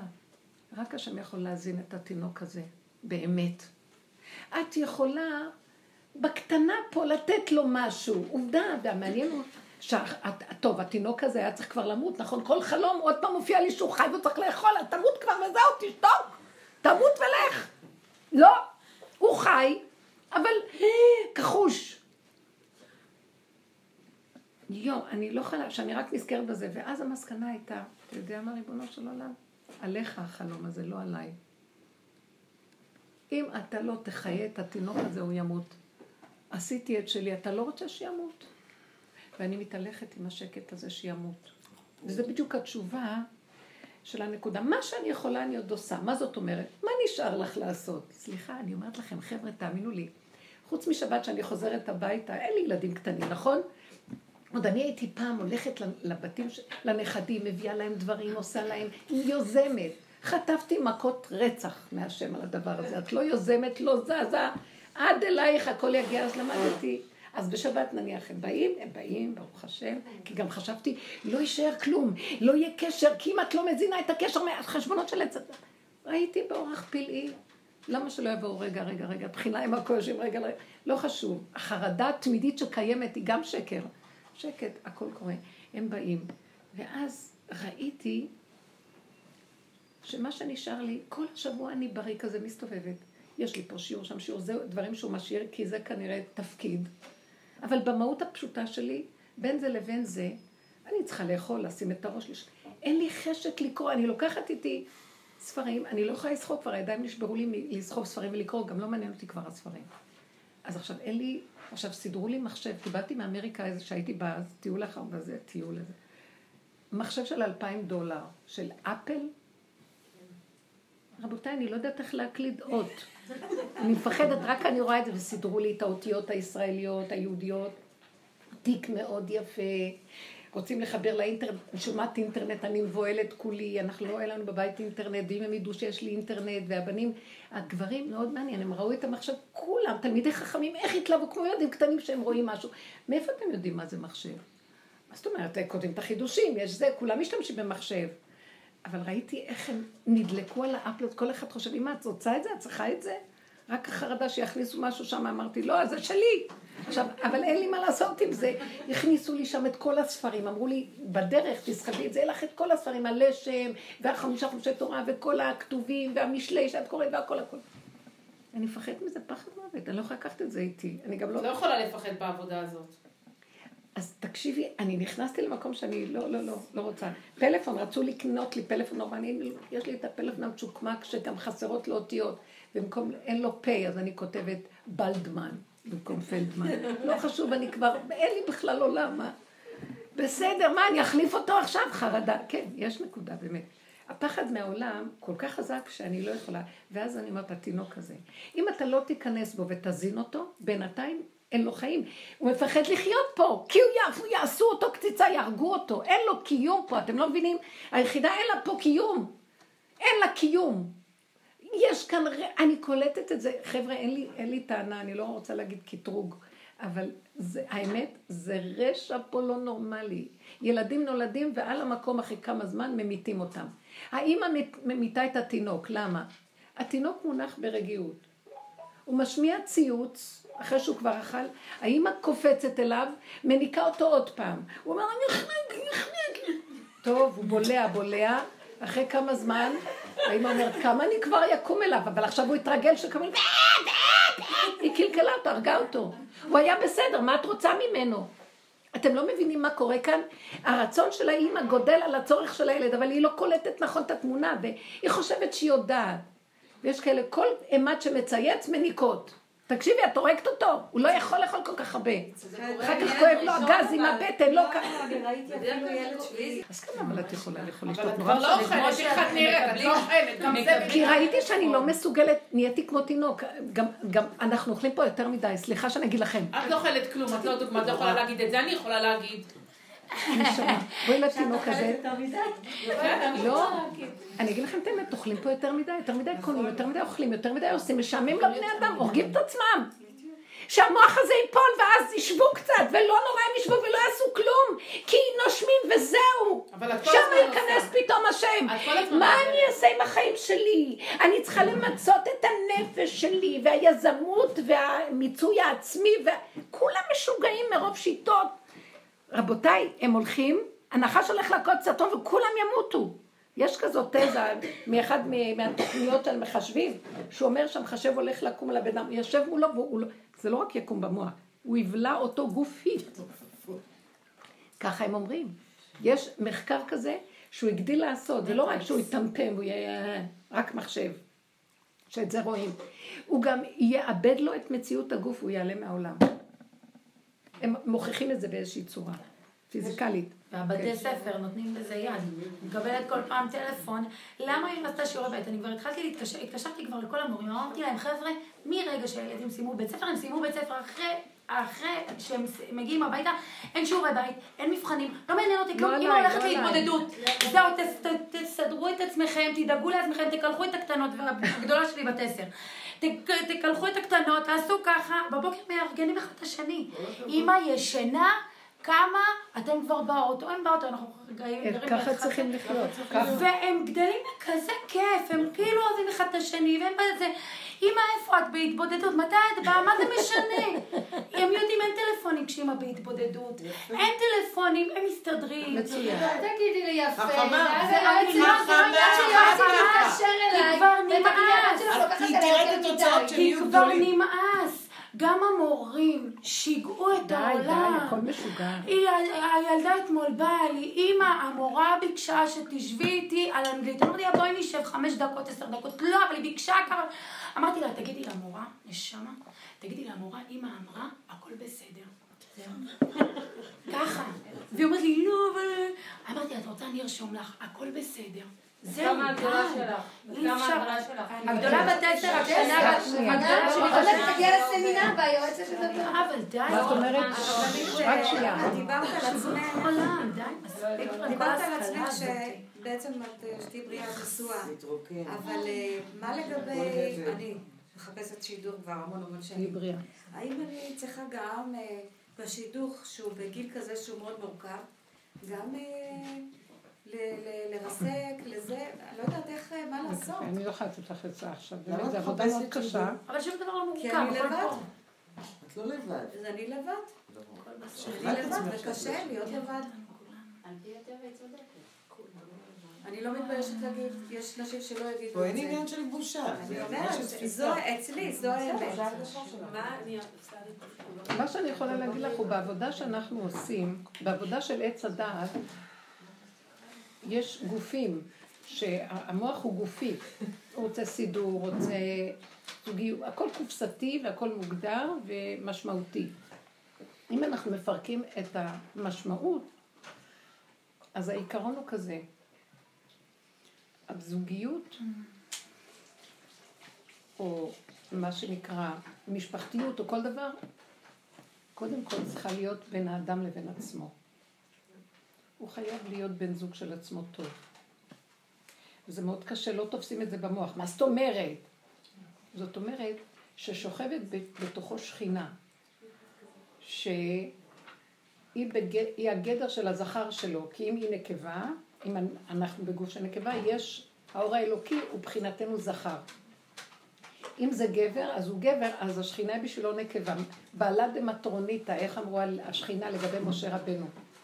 שהייתה לו מטרוניתא, השכינה, מבחינת נקבה אצלו, כי זה מתחלף לפי, זה אור אלוקי, שאין לו, לפי הגוף הוא מקבל את הצורה. אז מתחברים לאיזה כוח פנימי שאין, לא חסר דבר בבית המלך, יש רגיעות, יש מתיקות, טוב לאדם במציאותו, הוא פירק את הדמיונות שלו, מה הוא יכול להשיג מהשני. חוץ מזה, יש משהו בגוף הדבר שנחמד שיש עוד בן אדם איתך בבית, אבל שלא יפריע לך לחיבור הנפשי. כלומר, זה נחמד שיש עוד מישהו שאת אוכלת איתו, זה נחמד לי שאנחנו נפגשות ואנחנו... למרות שאני יכולה לשבת בגינה ולהיות עם עצמי גם, אבל זה מדיה יפה, ובייחוד שיש ביניכם קשר ודיבור, ולא אחד סותר את השני, כל אחד מכבד את הנקודה של השני, כי גם הוא מחובר נכון עם עצמו. המחובר הזה התחבר למחוברת הזאת, והכוח האלוקי מחבר בין שניהם, והחוט המשולש לא במהרה יתנתק, כי יש אלוקיי בקרבי, כי יש הכוח שמחבר. כזה זיווג הייתי מאחלת לך, ואני מקווה שכן, בעזרת השם, יבוא. אבל למה הוא יבוא? כי כשהשם רואה שאדם עשה את שלו, הוא גם יעשה את שלו, וימציא לו. הרבה פעמים כשאדם הולך ומחפש את היסוד של עצמו וחי טוב, הוא לא רוצה זיווג חיצוני. כי הוא כבר, בוא נגיד, כבר היה לו ילדים, הוא כבר הוליד, כבר התחתן, כבר עשה דברים. הוא מרגיש מלאות ולא חסר. הוא ממלא את יומו, זה התבודדות, זה התבוננות, זה עומק פנימי של, ברגע שאת מדברת, זה כאילו מישהו מדבר מולך, את משוחחת עם עצמך ועצמך עונה לך ואת, את לא, לא משלמים לך בכלל, זה מדהים, הבריאה כולה משתתפת איתך, את לא לבד בכלל. את בעולם נראית עץ בודד, אבל באמת באמת הכל מחובר, העצים שעומדים לבד, הם לבד אבל הם מחוברים ויש יער ויש אינטראקציה ביניהם ויש ציפורים והכל עולם מדהים של אינטראקציה מדהימה. כאשר הייחודיות לא נגנבת, העץ נשאר לבד עם המיוחד לו, ולא ייקחו לו את זה, כי זה, בשביל זה הוא נברא. זה האלוקות, היא יחידה. והיא כוללת הכל ואליה חוזר הכל, אבל היא תמיד תישאר השם אחד ושמו אחד. וזה המהלך שאנחנו צריכים להשיג. אם הבן אדם הזה עדיין רוצה, יכולים, כי השם רואה, עשית את שלך. הכוח של האמת יזמן לך את האמת, את הזיווג האמיתי. אבל כל עוד אנחנו באים מהתכנים של המוח, אני רוצה זיווג לכולם, יש זיווג, אני אוכלת לבד, אני זה, הרגע הראשון שייכנס לך זיווג לבית לא תוכלי לסבול. הוא אוכל, תראו, אוכל לו אס. הוא אכל יותר מדי. מעצבן, מה באתי? להתחתן עם זקן שאני צריכה בגיל כזה לתמוך בו, והוא זקן עליי. אתם לא מבינים איזה כאבים יש בגילאים המבוגרים יותר. זה מה שיש עכשיו. אחר. ואנשים היום מדהימות. אז לא הן שאלה עצמאיות. הן יפות, הן חילוניות, הן הכל, ואז גברים, יש משהו אז בעניין לא שזה שאלה טראנס של שלי, אם נשים. אני צריכה לעשות את הריסוק הזה, כמו שאת אומרת, תעשי את הריסוק. אני מציעה לך להתרסק כמונו. אז- אני אגיד לך למה. אז גם עם זה, לקבל אותו ולעשות את הריסוק? לקבל אותה עם כל מה שאת אומרת? לקבל את מה? כל הקישוטים? אם את, אני מציעה עצה כזאת, אומרת, אני רוצה בכל מחיר שיהיה לי בן זוג. את תקבלי על עצמך שהאינטראקציות שמפריעות לך ממנו, הגירוי, הגירוי לתגוב, או התגובה, יש גירוי ואז יש לך תגובה. אם את עובדת עם התגובה לעבוד עם עצמך והוא רק הספק של האפשרויות לעבודה, תהיי נאמנה לדרך והוא הסיבה שמספק לך. בבקשה, תתחתני. אם, אם תשתמשי בו במקום, אתה לא בסדר, בוא נדבר, בוא תהיה צודק, תהיה פייר, לא תהיה פייר, חבל לך על הזיווג. זה לא ילך. היום צעירים תקועים, אבל אין להם ברירה, יש להם ילדים קטנים. כולם מתים לפרק את העסק הזה, ודעו לכם שמוסד הנישואים מתפרק באמת. תרגום. לכן בנות מתחתנות עם בנות, זה משהו מזעזע. מישהי סיפרה לי, יש לה איזה, וואי, היא היא בדרך. כל היישוב נכנס בזה. מעניין. ואז אה, היא קיבלה איזה הזמנה לחתונה, היא עושה קייטרינג גם. היא אמרה, לא רציתי, לא רציתי, אבל אין לי כוח, אמרתי, טוב, טוב, טוב, זו הכנסה טובה. אתם יודעים מה? אני לא רוצה, אבל הם מכריחים אותי שאני אעשה, אני שוחט להם את הצורה, אני, שישלמו הרבה כסף. הסכימו לתת לה המון כסף. בסוף, אני אומרת, אחרי שאני מעמידה את הכל הכל, הסתבר לי שזה זוג של בנות שמתחתנות. זה הדבר האחרון שאני הייתי נותנת יד לדבר כזה בכלל. שתי בנות מתחתנות, ואז היא אמרה, אבל כבר הכל היה מוכן, כבר העסקה הייתה חתומה, מה עכשיו היא תעשה? היא אמרה, טוב, תסגרי את המוח, זה לא קשור אלייך, וגמרנו. היא אומרת, היא גמרה לעבוד, חזרה הביתה, חטפה מכה בצלע. היא עבדה מאוד קשה, כן, כי זו הייתה הזמנה נוספת לבית קפה בכל העבודה. והשתתחה, נתפס לה השריר בגב, ככה כמה ימים, לא יכלה לקום, היא הפסידה את כל מה שהיא הרוויחה.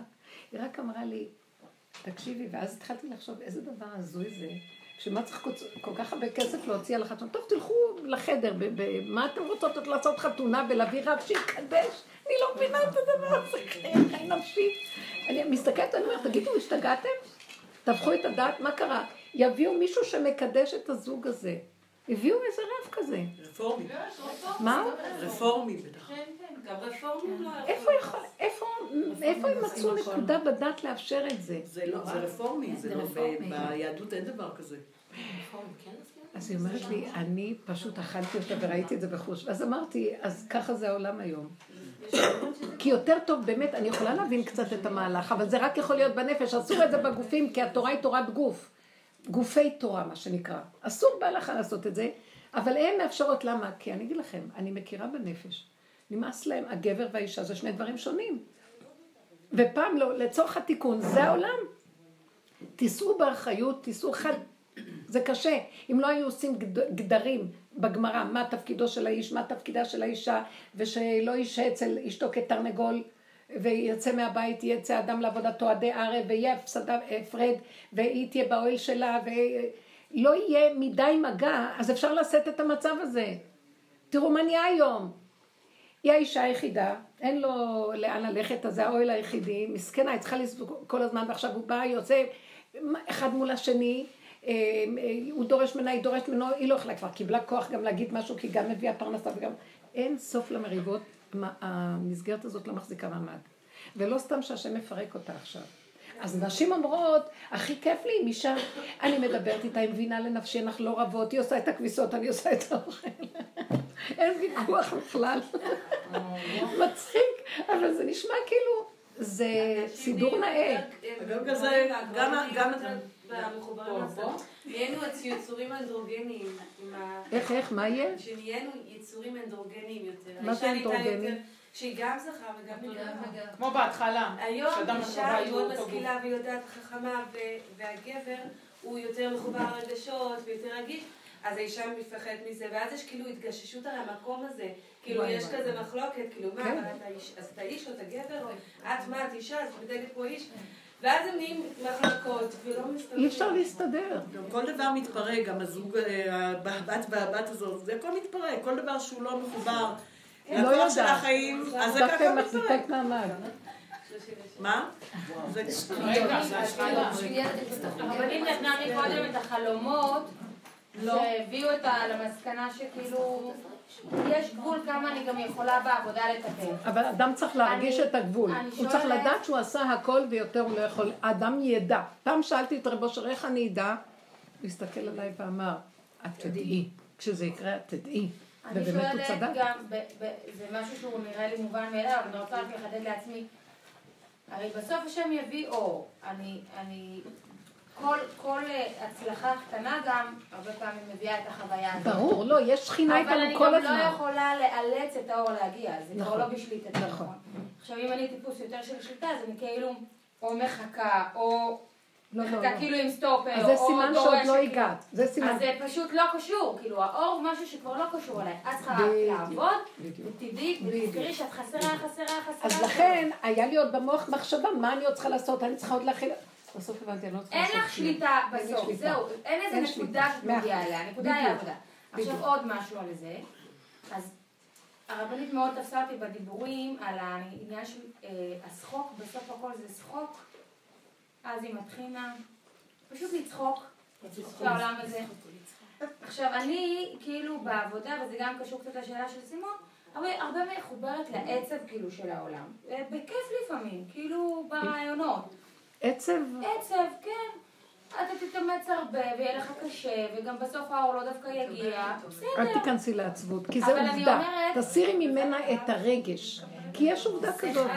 הכל כאן בתהליך הידרדרות, ואנשים חושבים שזה בתהליך התקדמות. זה בדיוק הפוך. אז, אז במקום הזה עוד יותר זה כאילו מדגיש לי כאילו, את גם תעבדי ולא דווקא תגיעי, אני משלימה עם זה. אני לא נלחמת, אל אבל תחשבו אני כאילו הרבה, כי יותר אפשר חושבת, לעשות את המחשבות האלה. איך זה, מת- איך זה מסתדר עם, כאילו, את תעבדי ותהיי חסרה, ולא דווקא יגיע האור, ותהיי בשמחה. איך זה מסתדר עם שמחה? זה מסתדר, לא אני אגיד לך את האמת. שום דבר, כי זה כל זה פה שהגיע כי רגע. שתסגרי את זה, כי במוח הזה זה לא מסתדר, כי במוח זה... המוח הזה עובד, שאם תעשי אחד עוד אחד, יהיה שווה זה וזה. דבר שתלוי בדבר. באמת, זה דבר שאינו תלוי בכלום, כי ככה זה. זה שכל אחר. עכשיו, ברגע שאת מרימה את הראש, את אומרת, את תעבדי, תשקיעי, ובסוף נאדה, כלום לא יהיה לך, זה מעציב. אל תחשבי. כי את מערבבת עכשיו חשיבה של אמת בתוך עולם של שקר. את לא תוכלי לעבוד בזה. זה, זה, זה שתי מחלוקות שונות. תפסיקי, אנחנו מתחילים להבין, אין לי טענה לעולם. תחשבי, פתחה יש לי אומרת, זה עולם, איזה טיפשים, ואני שולחת את לשוני, חץ שחוט לשונם, שוחטת את העולם. אבל יותר ויותר אני נכנסתי למקום, התינוק אומר, "היי, מותק, זה תוכנה כזאת. ככה השם יצר תוכנה. יש לו עוד הרבה תוכנות שאנחנו לא מכירים, יש שם אין סוף עולמות. זה התוכנה פה. ומה שאת עושה עכשיו, את מתחיל להיכנס אור חדש, זה תוכנה חדשה. עולם חדש אשר אני, העולם החדש אשר אני, שמיים חדשים שאני בורא, ארץ חדשה אשר אני עושה, אה, אור חדש על ציון תאיר, תורה חדשה תצא מאיתי, המון פסוקים שהוא מדבר, תודה חדשה הולכת לרבע, זה תוכנה חדשה. אל תערבבי תוכנות, מוציאים תוכנה מהמחשב, מכניסים, היקום זה מחשב גדול, ואת מוציאה מכניסה, זה עולמו של השם, הוא משתעשע בעולמו. אבל אני, ואז מה זה עשה לי? אל תבקרי, כי ככה זה. אל תשנאי את האנשים. יש רגע שאני מכניסה רגע שאני הולכת להרוג את כולם. לא, לא, לא, לא. כי ככה זה. כי לא ידון רוחי באדם, כי ככה התוכנה בנויה, אבל אני לא רוצה להיות שייכת אליה, תעצור את הגלגל. הנה, החלום על התינוק הזה, הוא לא נשמע לרבנית סיפור עצוב, כאילו, אי אפשר להסתכל עליו כסיפור עצוב. בסוף יצא הכי שמח. למה? שנולד משהו חדש. והדבר החדש הזה, אני לא יכולה, אין לי כלים להזין אותו, הוא צריך לבוא מאור חדש. אז למה את כל כך סוערת איך לסדר אותו? וברגע שהגעתי, אמרתי, אז ריבונו שלם, הגעתי להכרה, רק אתה יכול לסדר אותו, תתגלה. ואני מושכת לו את הזקן חזק, כי הוא ימות ואתה מפסיד. כי עד שהוא כבר נולד, זה מדרגת היחידה. אז בינתיים נאכל ונשתה. אז מה שאני יכולה לעשות, לפי. הסיבה, כרגע לפי הסיבה, הוא חי בקטן, אבל הוא זקוק ליותר. הוא, הוא אור אחר, הוא יצור חדש שצריך הזנה ממך. כמה אתה מחזיק אותו על הגל כחוש. בסדר, שותה את התה, שותה את הזה, זה כחוש קצת, זה בסדר, זה נחמד. אגיד לכם את האמת, יש משהו בתוכנה של יסוד האמת שהוא הרבה יותר גדול ממה שזה, זה רק הגולם שיכול להכיל עכשיו את האור החדש. אז הגולם הוא גולם, אבל יש משהו בקוד שלו שמצפה שימלאו אותו. כי ה- ככה- ה- לא, לא, למלות פה- את זה, למלות את זה, זה בשערי, בשערי קדושה, הרמ"א כותב בתומר דבורה, הוא מדבר על זה, על שערי קדושה שזה מתנה. הקדושה זה הדבר שהאור של השם, שהתחברו בכל הרקע הזה, כלי, כן. ש... זה קדושה וזה מתנה, ככה הוא כותב. זה המתנה. זה. מתנה, זה לא זה דבר אדם- שאת יכולה בכוח זהו. להוריד. כן. זה מתנת חסד וחינם. כן. מאוצר מתנת חסד וחינם. אבל כאילו אני מפתה אותו, כדאי לך לתת באיזשהו מקום, כי אתה הבאת את כל התכלית של הכדור הזה להגיע למקום הזה, אז הנה, אז עשינו את שלנו, תעשה את שלך. צריך לפתות את הבורא בדיבור, זה כאילו... למה צריך, אני שואלת, למה צריך אה, לפתות? למה? כי יש זה לי- רצון השם. אני אגיד לך למה. בתוכנו.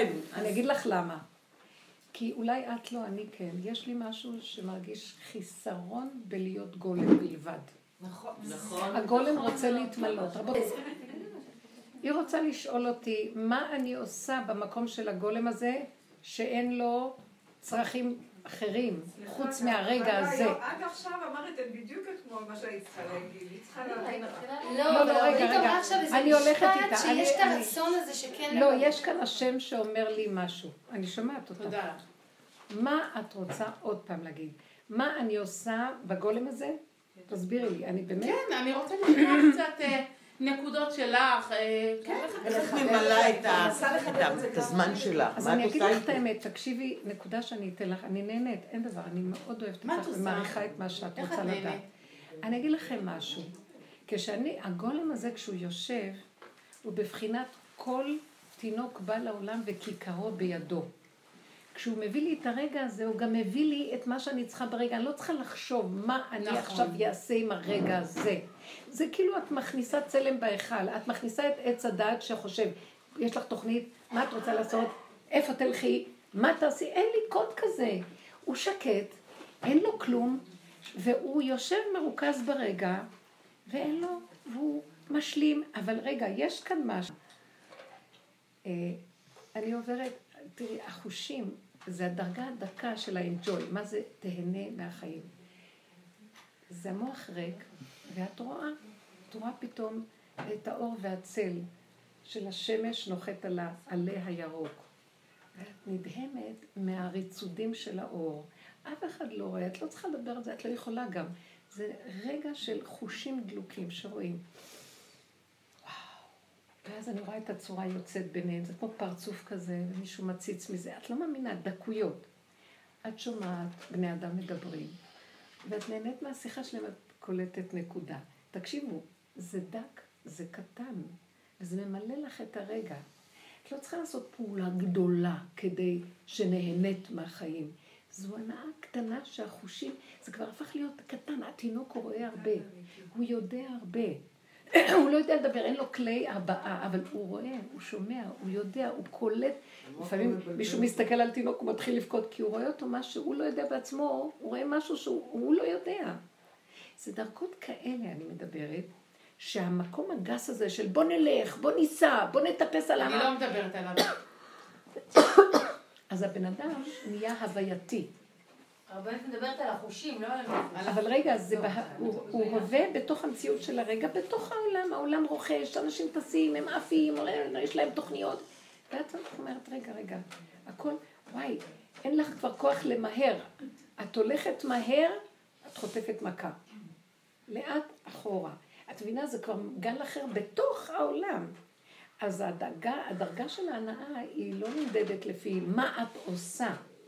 זה איך את חווה את הרגע ואיך את ניזונת ממנו במתיקות. חוץ מזה, מה שרציתי להגיד, שיש לי איזה קוד פנימי שהוא מרגיש חסר ומחכה למילוי נוסף. יש משהו שאני לא יכולה להסביר אותו. זה דבר שאני מרגישה שעכשיו זה תחנת ביניים, שיש איזה משהו נוסף שדרגה יותר עמוקה של הורדת אור, של חוכמה יותר גדולה, זה כאילו שלוקחים אותך בתו- את בכדור הזה, להתראות מתוקה. לוקחים אותך בכדור, לכדור, את בכדור הזה ולוקחים אותך לטייל בכדור אחר בעולם. ואת פתאום רואה מראות אחרות. את מבינה? זה קשה להסביר את זה. תראי, דברו, דברו, דברו. כן. יש מילה, כאילו, בהקשר הזה. מורה ותלמיד. התלמיד הוא לא מורה ותלמיד בבית ספר, אלא בדרך חיים. התלמיד מגיע ללא מודעות, יש לו כל מיני כוונות לא כל כך נקיות. אני מספרת משהו מאוד מסוים שקראתי פעם. אה, הוא לומד באוניברסיטה, אנתרופולוגיה, והוא צריך איזה שהם חומרים, הוא צריך לאבד איזה עבודה, והוא חושב שכמה פגישות צ'יק צ'אק הוא מסיים את זה. והוא אין לו מושג מה שקורה בכלל. משהו מוגבל כזה בחומר. והוא נפגש עם עוד פעם ועוד פעם, והוא אפילו לא שם לב שמסובבים אותה ככה ב... לא בעורמה, אבל מסובבים אותו ב... מושכים אותו לא בכחש, מושכים אותו פנימה כי הוא עצמו, הוא לא הגיע מעצמו. זה איזושהי תקופה כזאת שללא מודעות, אבל עם איזשהו רצון מאוד מעשי לעשות משהו, איזושהי עבודה. ו... וכל הזמן הוא רוצה משהו מאוד מעשי. אז מה אתה חושב? מה אתה אומר? מה ככה? מה אחרת? מה... והמורה הוא שלב מאוד. הוא במקום מאוד מסוים, הוא מאוד מחובר, הוא מאוד יודע, והוא מאוד רואה את התלמיד כמובן, והוא אומר לו, אני יכול להגיד לך הרבה דברים. לא תבין. אז הוא אומר לו, אתה חייב, אתה חייב משהו. תגיד לי משהו, תגיד לי משהו, משהו, משהו גדול, משהו גבוה. מסביבך משתרע הנצח. מה זה? מה, מה, מה אמרת? זה כלום. אני רוצה להגיד משהו. סימונה רוצה להגיד לי משהו, והשם לא יעזוב אותי עד שאני אבין מה היא רוצה.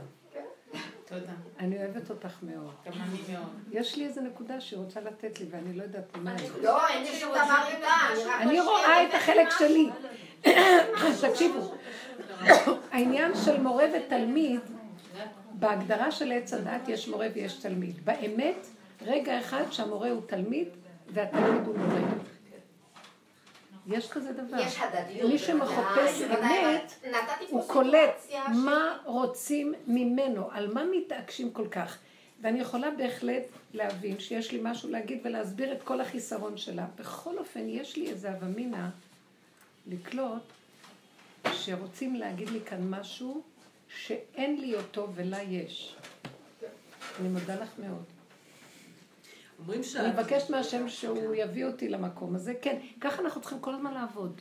כי אין שלמות בכלום, ורגע אחד זה כך ורגע זה ככה. אני קולטת איזה נקודה דקה שהיא רוצה להגיד לי, כי היא מאוד מאוד מעשית והיא מאוד... היא ב- ברמה ש... יש כאן איזו נקודה שנראית מגושמת, איך היא אמרה, אני הצאצאים של הגולם מפראג. פעם היא אמרה את זה, צחקתי, נהניתי מזה הכי הרבה.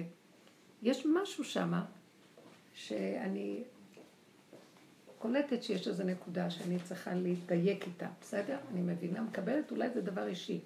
לא, לא. לא אישי, שבינינו יכולים יותר לברר אותו. אה.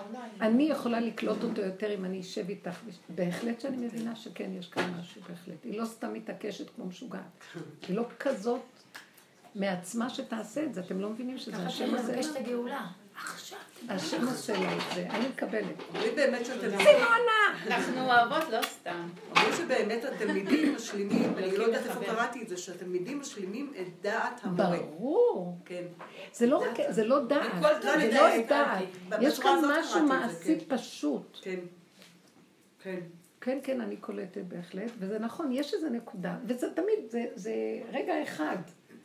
רגע אחד זה משהו אחר. איך אומרים במשנה פרק אבות? מכל מלמדיי השכלתי ומתלמידיי יותר מכולם. כן. ולכן הבן אדם בעבודה הזאת, תקשיבו, זה הקו המנחה שלנו, שלעולם הוא יהיה עם החושים לקלוט מה השם רוצה ממנו. הבן אדם הוא דמות, הוא אמצעי, הוא מקל, הוא מראה. אם הקו הזה מנחה אותנו, אז אנחנו הולכים באמת. ואם לא, הגאווה תופסת מקום, הישות, המדרגות, זה כבר לא זה. זה באמת דק וקשה. וזו העבודה הזאת היא, למה כל המכות והכאבים ואחורה ואחורה, כדי שישחט לנו המקום הזה שעוד רוצה להתגדר באיזה משהו ולא מודה באמת. צריך להודות באמת. ושם מתגלה השם, והכל מסתדר. והתלמיד והרב דבר אחד, והשם אחד ושמו אחד, והעולם אחד, והבריאה אחד, והכל אחדות הבורא. זה יפה, ואת זה אנחנו רוצים להשיג. הלוואי כן יהיה רצון. הרבנית, אני הולכת עכשיו ללמד בכיתה ט' את הנושא של עץ הדעת. כן. אם הרבנית יכולה לתת לי בדקה רק איך להציג את זה, כי אני כל פעם מסתבכת איך... אני לא אתחיל איתם את כל הדרך, ואני גם לא יודעת... לא, את לא. יכולה להביא להם את זה ככה. הם באו ללמוד את זה ברמה... חומש, חומש עיוני. מה כן להגיד, כאילו, איך להציג את זה? את גם לא יכולה סתם להגיד להם, את צריכה להביא להם אה, חומרים כי יבקרו אותך הביקורת. לא, גם במפרשים יש הרבה על הנושא אז שנוגע תקחי, זה מה. שרציתי להגיד, קחי מהמפרשים דברים, אם זה בכיתה הזאת, תקחי הרמב"ן, תפתחי את הרמב"ן, הוא הכי מדויק והכי קרוב לדרך והוא הוא מעוגן בכתובים. רמב"ן? אז תוכלי לתת להם, אה, הוא מסביר מה, איפה, מה קרה לו, לאדם. איך, אה, איך האלוקות יצא ממנו ומה נשאר.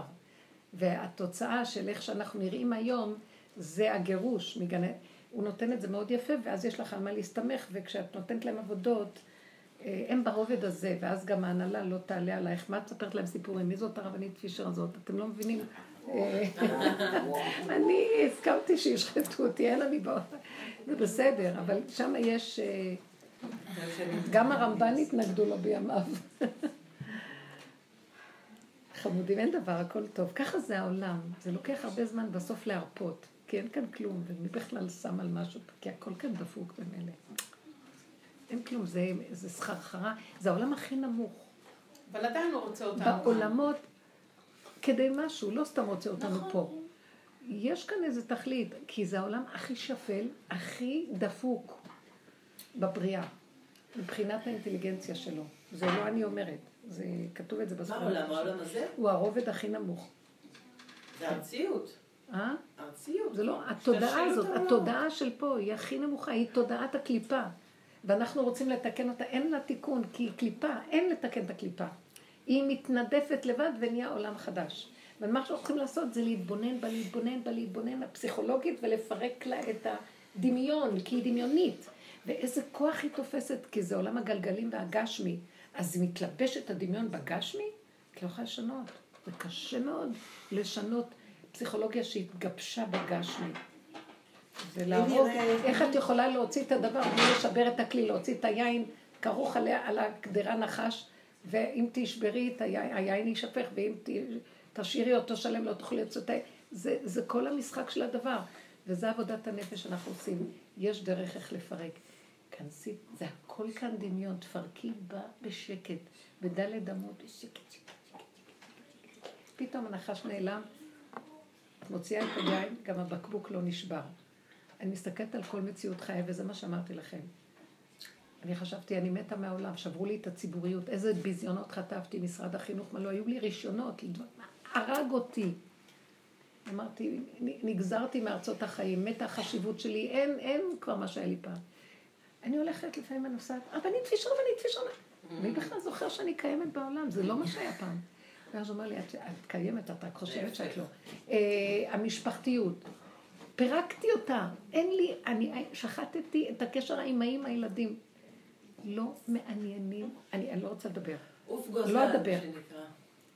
אני אוהבת את כולם, אבל אתם יודעים מה? המשפחה קיימת, הרבנות קיימת, המשפחה קיימת, הזוגיות. שחטתי, אני לא יודעת להסביר לכם.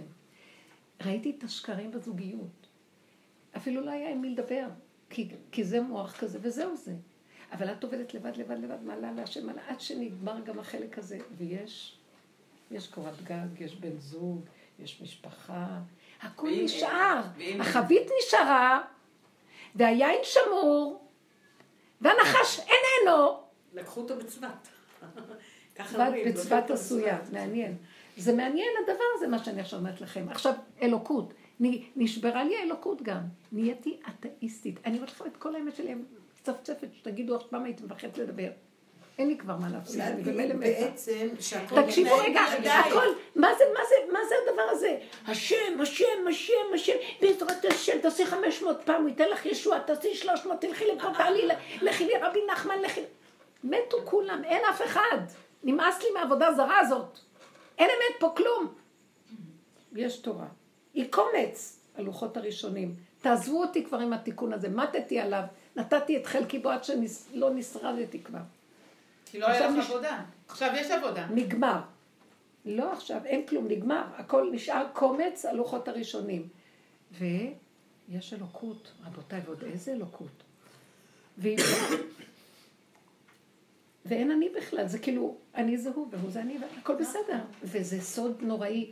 אז איפה הוא בשמיים? לא יודעת מה איתו בשמיים, פה בארץ. זה כל כוונת היצירה, התהלך, שכינה התהלכה איתם בגן.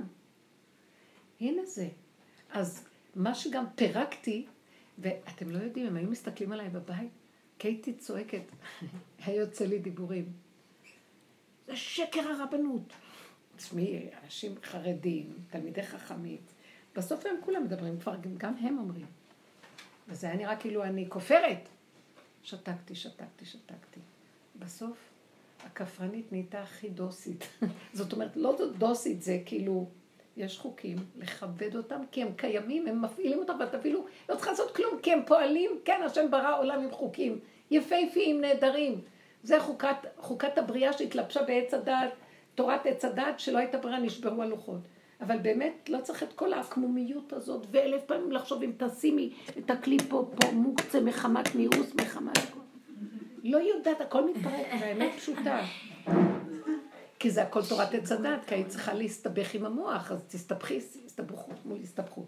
בסוף הכל מאוד פשוט. לא להקפיד על ההלכות? אני לא אמרתי. אני לא אמרתי, אף פעם אני לא אעז להגיד את זה, אני יכולה להגיד, מי שימית את עצמו... לא להיות OCD, לא להיות באובססיה. רגע, לא. מי שימית את עצמו בדרך הזאת, הלוחות השניים מתים, מתגלות הלוחות הראשונים. תורה שבעל פה באמת, הבשר מקיים את ההלכה. יש לו זיכרון שיודע בדיוק איפה החוק והוא שומר עלייך. לא יכולה להיכנס תולעת לפה שלך. לא יכול להיות שתקטפי בשבת עלה. הבריאה שומרת עלייך. זה דבר מדהים שאני חשה אותו פשוט. אז גמרנו. כמה הבן אדם הזה יכול? אפשר רגע לשאול? רגע. לא. הרבנית אמרה קודם משהו אה, על על הרצון הזה למלות עוד משהו. וככה אני גם מרגישה, הנפש יש לא איזה קוד תמלא, פנימי. הנפש לא תמלא. אז איך באמת הרבנית לא צריכה למלות את זה? אני צריכה רק להיזהר שהאני שלי לא יגנוב אותו, כי כל עוד אני חי... יש לי תחושת חיסרון גדול, ואני מנסה לקחת את החיסרון הזה וכאילו להתפתל כמו נחש להשם, תמלא את החיסרון, זה התפילה. זהו, אסור לי מדי לחכות, נו, שמעת? איך זה יהיה? מה אתה מוריד? צריך אבל, כי זה, כי זה חסר, זה כמו שאת צמאה, את חייבת מים. אז את צריכה להעלות את זה ולתת לזה שישכב, והתכלית בסוף זה רגיעות. גולם רגוע שאין לו כלום. מדי פעם קופץ החיסרון הזה. כי אל תהרוג על כי אפיקי מים. בדיוק, הערגה. הזאת, יש נקודה ש... אז תמלא אותה. כי לפי הדרישה, ככה הפרישה, מה שנקרא, אז הוא, אז הוא נכנס. אז אני מבינה שהדרישה היא חלק שבעצם הוא צריך, כשאישה מתייפייפת לאיש, מזה נהיה לו חשק.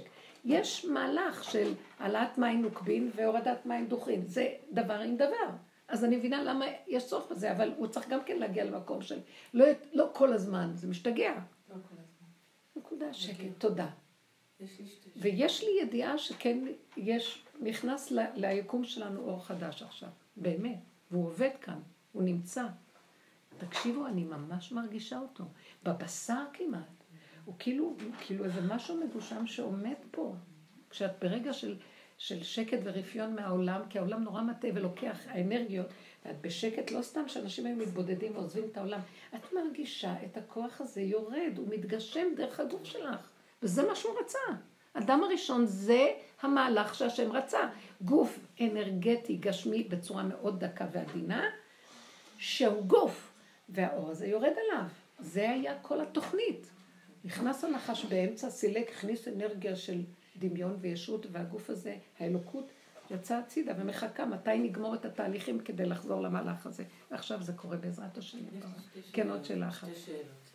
אחת זה, את אמרת, תוך כדי דיבור את אמרת, יש בית, יש קורת גג, יש זה. עכשיו נגיד שאין. אין קורת גג, אין בעל, אין זה, אין. אז עכשיו אני צריכה כאילו, אוקיי, מה אני עושה? מה תפקידי בעולם? מה ש- מה השליחות מה שלי? שיש, מה יש לך כן. לא מה שאין לך להביא ליש. להגיד ככה, אז כמו שיהיה. אז אני אבל. מה יש לך? יש לך קורת גג, לא? כרגע אני בשלב שבעלי מגרש אותי מהבית ואני צריכה למצוא ואין לי כסף ואני לא מוצאת עבודה, אני ב- ב- במצב של משבר. כן. אז אני אומרת, כן. אני, השם, אני איתך ככה, מה שתעשה תעשה. רק אבל אני-. אבל, אבל אני לא יכולה לעשות את זה, כי יש עולם גשמי שאומר לי, יש לך ילדה, את צריכה לדאוג לה, נו, טוב. לא, תביני, תבדילי בין גוף לנפש. המפתח לגוף זה הנפש. יש לך חיסרון, יש לך בהלה. זה באמת קשה. אז עכשיו את תקחי את הקושי הזה ואת הבהלה, וזה מה שעשינו כל... זה הוא שלח לי את המצב הזה, מה הוא רוצה ממני? העלאת מים נוקבים, תפילה. החיסרון הזה, זה כמו החיסרון הזה, זה חיסרון כזה, כל מיני חיסרון. השם, אתה חייב, תעזור לי, מה אני אעשה? אני בעולם שאני חייבת איזה אחיזה. אני כשאני אומרת לו, חסר לי האור הזה, זה כאילו, אני אומרת לו, אני יכולה למות אם לא תכניס. את יכולה להגיד לו, אני אהיה ברחובות אם לא יהיה לי, זה כמו למות. אז האדם צריך גוף, הגנה בגוף הדבר.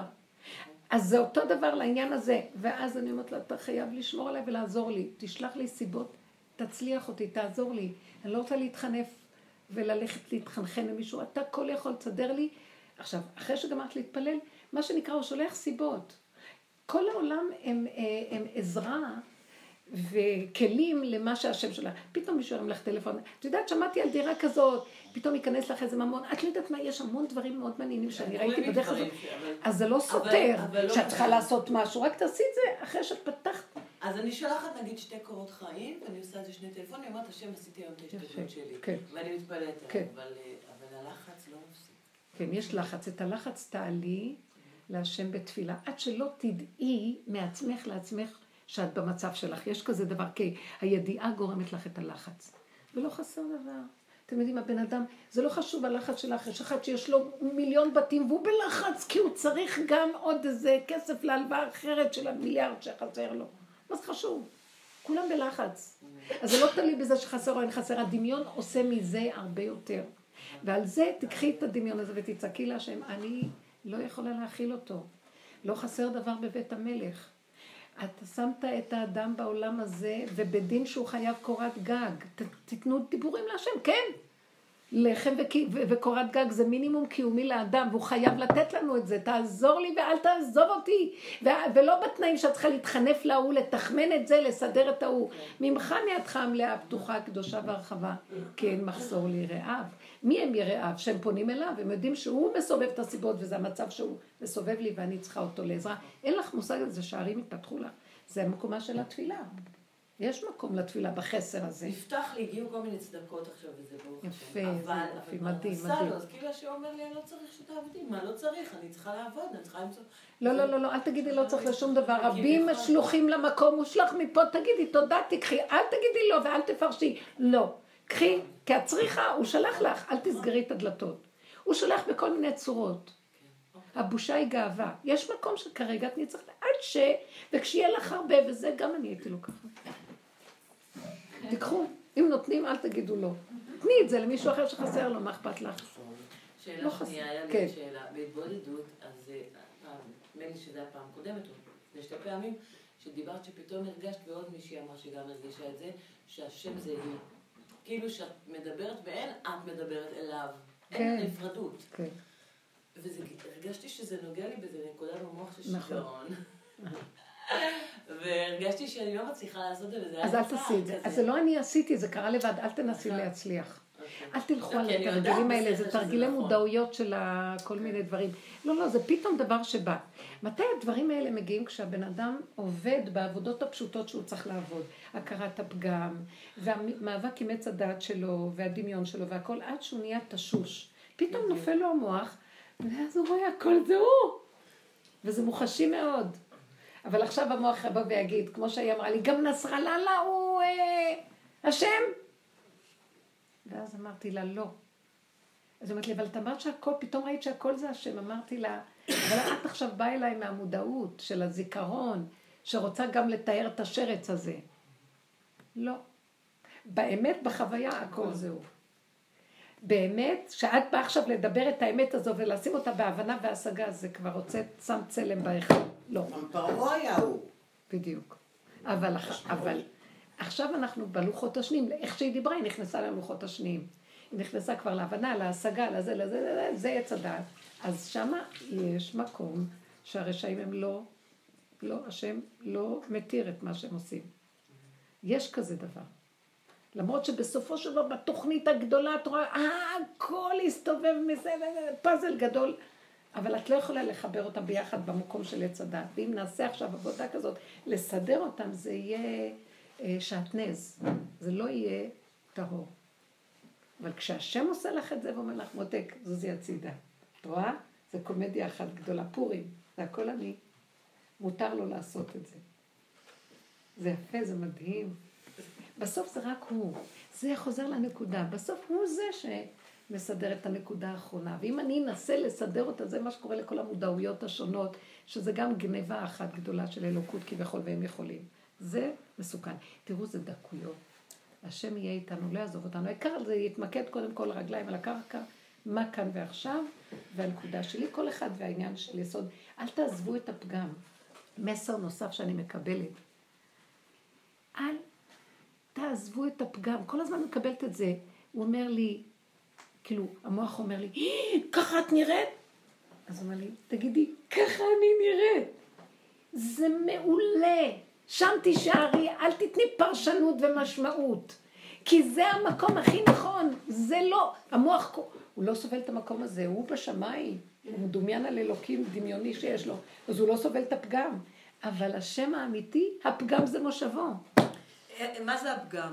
הפגם זה הדבר, איכשהו ככה, בלי קונוטציה שלילית, פרשנות בלי ורגש. שפיטה בעצם. לא, לא הבנתי. לא. זה מה שאמרתי לכם, תקשיבו, זה נשמע מזעזע. אחרי שהזזתי את כל, מהסיפור הזה של הרצח הזה שאמרתי לכם, ראיתי שזה השם נס, אמר לו, קח את הסכין והרוג את האימא. עכשיו הייתי צריכה להיזהר לא להיכנס, כן, אבל אה, יש כאן... אה, כי אצלך זה לא נקרא שחיטה. זה לא נקרא רצח, סליחה. קשה להסביר את זה? כן, זה... אבל אנחנו כאן בית מדרש ללימוד מסוים, קשה. להמח... כי בחוק של עץ הדת, פס נישט, אסור. בחוק של האמת אצל בורא עולם זה לא נקרא. זה מה שהיה. זה מה שהוא עשה עכשיו, זה כאילו עכשיו השתחררה הבריאה מאיזה כוח של נחש, שעכשיו יכולה להיות גאולה. אי אפשר להסביר את הדבר הזה.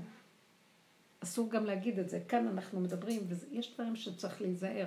לכן אני אומרת שלא תמיד נותנים רשות להגיד. ולכן אנחנו לא, כמו שהוא אמר, גם היטלר מת השם. יש איזו נקודה שהיא לא נשמעת, אבל אם אנחנו במוד הזה לקבל שיש מקום שזה רק הוא, ורק הוא יכול להכיל את מציאותו, ולי אין הבנה, זה נקרא הפגם. תני לי רק את הקרקע, תני לי את האישה, תני לי את הסכין, תני לי את האיש, את הבן, ואין לך השגה בכלום יותר. זה כבר שייך לי. זה נקרא הפגם. לא, מה הכוונה? אל תבקרי, אל תביני, אל תדעי, אל כלום. ככה התוצאה, ככה זה היה צריך להיות. מריונ- מריונטות. בפירוש. זה מה שאתה מבין את זה מה זה. שנקרא... ברוך דיין אמת. אז רגע, מה מה זה הפגם? ברוך דיין האמת. זה כאן נראה נורא, זה דין, דיין, אבל יש פה אמת ואין לי השגה. אז רגע, אז הפגם הוא, אה, אם הרבנית, אה, הפגם הוא, אם אני הבנתי נכון, הפגם הוא זה בעצם להכיר בזה שאנחנו לא יודעים מה, מה זה טוב ורע באמת. שאין לנו השגה בזה, זה רק השם אולי יודע. שאני אגיד, ראיתם אה, כאלוקים יודע טוב ורע, זה רק השם יודע. האדם לא יכול לעולם לדעת מה... תישארי בפגם לא. הכוונה, תשארי בדבר איכשהו, בנתון שלו, בלי, הס- בלי אה, שפיטה. בלי ניתוח, שפיטה, כן, ניתוח, ניתוח, ביקורת, ביקורת. משמעות ורגש. זה- זה מה שנקרא. משם בעצם באה התפילה האמיתית. הפגם הזה, שמה מתלבש השם. הוא ברא בריאה, חומר, הוא רוצה לשבת בה. מה את אומרת, נחמה? זה מה שנקרא חשבונות שמיים שאין לנו השגה בהם. ובגלל זה גם לא צריך להתרחב. נכון. לכן יש מקום שלא מדברים? עליו. כן. אבל בעצם בפגם, במקום הזה של הפגם, שאת אומרת לא לעזוב את הפגם, תישארו בפגם, כי בעצם משם יש לנו את התפילה הכי אמיתית, משם אנחנו צועקים עד מתי. אה, שאנחנו לא מוכנים לכאב נוסף יותר. אולי זה העניין של עד אלא ידע, כמו שבפורים, שאדם מגיע למצב שהוא לא יודע בין ברוך מרדכי לבין ארור המן. מקום שאין לנו השגה בו. אין לנו את היכולת להבחין במקום גם הזה. התפילה שרק נגמרת השם- שם, לא? זה לך דומיית תהילה, זו התפילה הכי גבוהה שיש. לא יודע, ככה וזהו. קבלה והשלמה. קבלה והשלמה. במקום. השני אני עוד רוצה להבין, אני רוצה לדעת, אני חסר לי משהו. אני משלים עם החיסרון לגמרי, כזה. תודה רבה לכם. תודה רבה. אני אוהבת. אתכם, באמת אתן בית מדרש מעולה. תודה רבה. ומצויוני.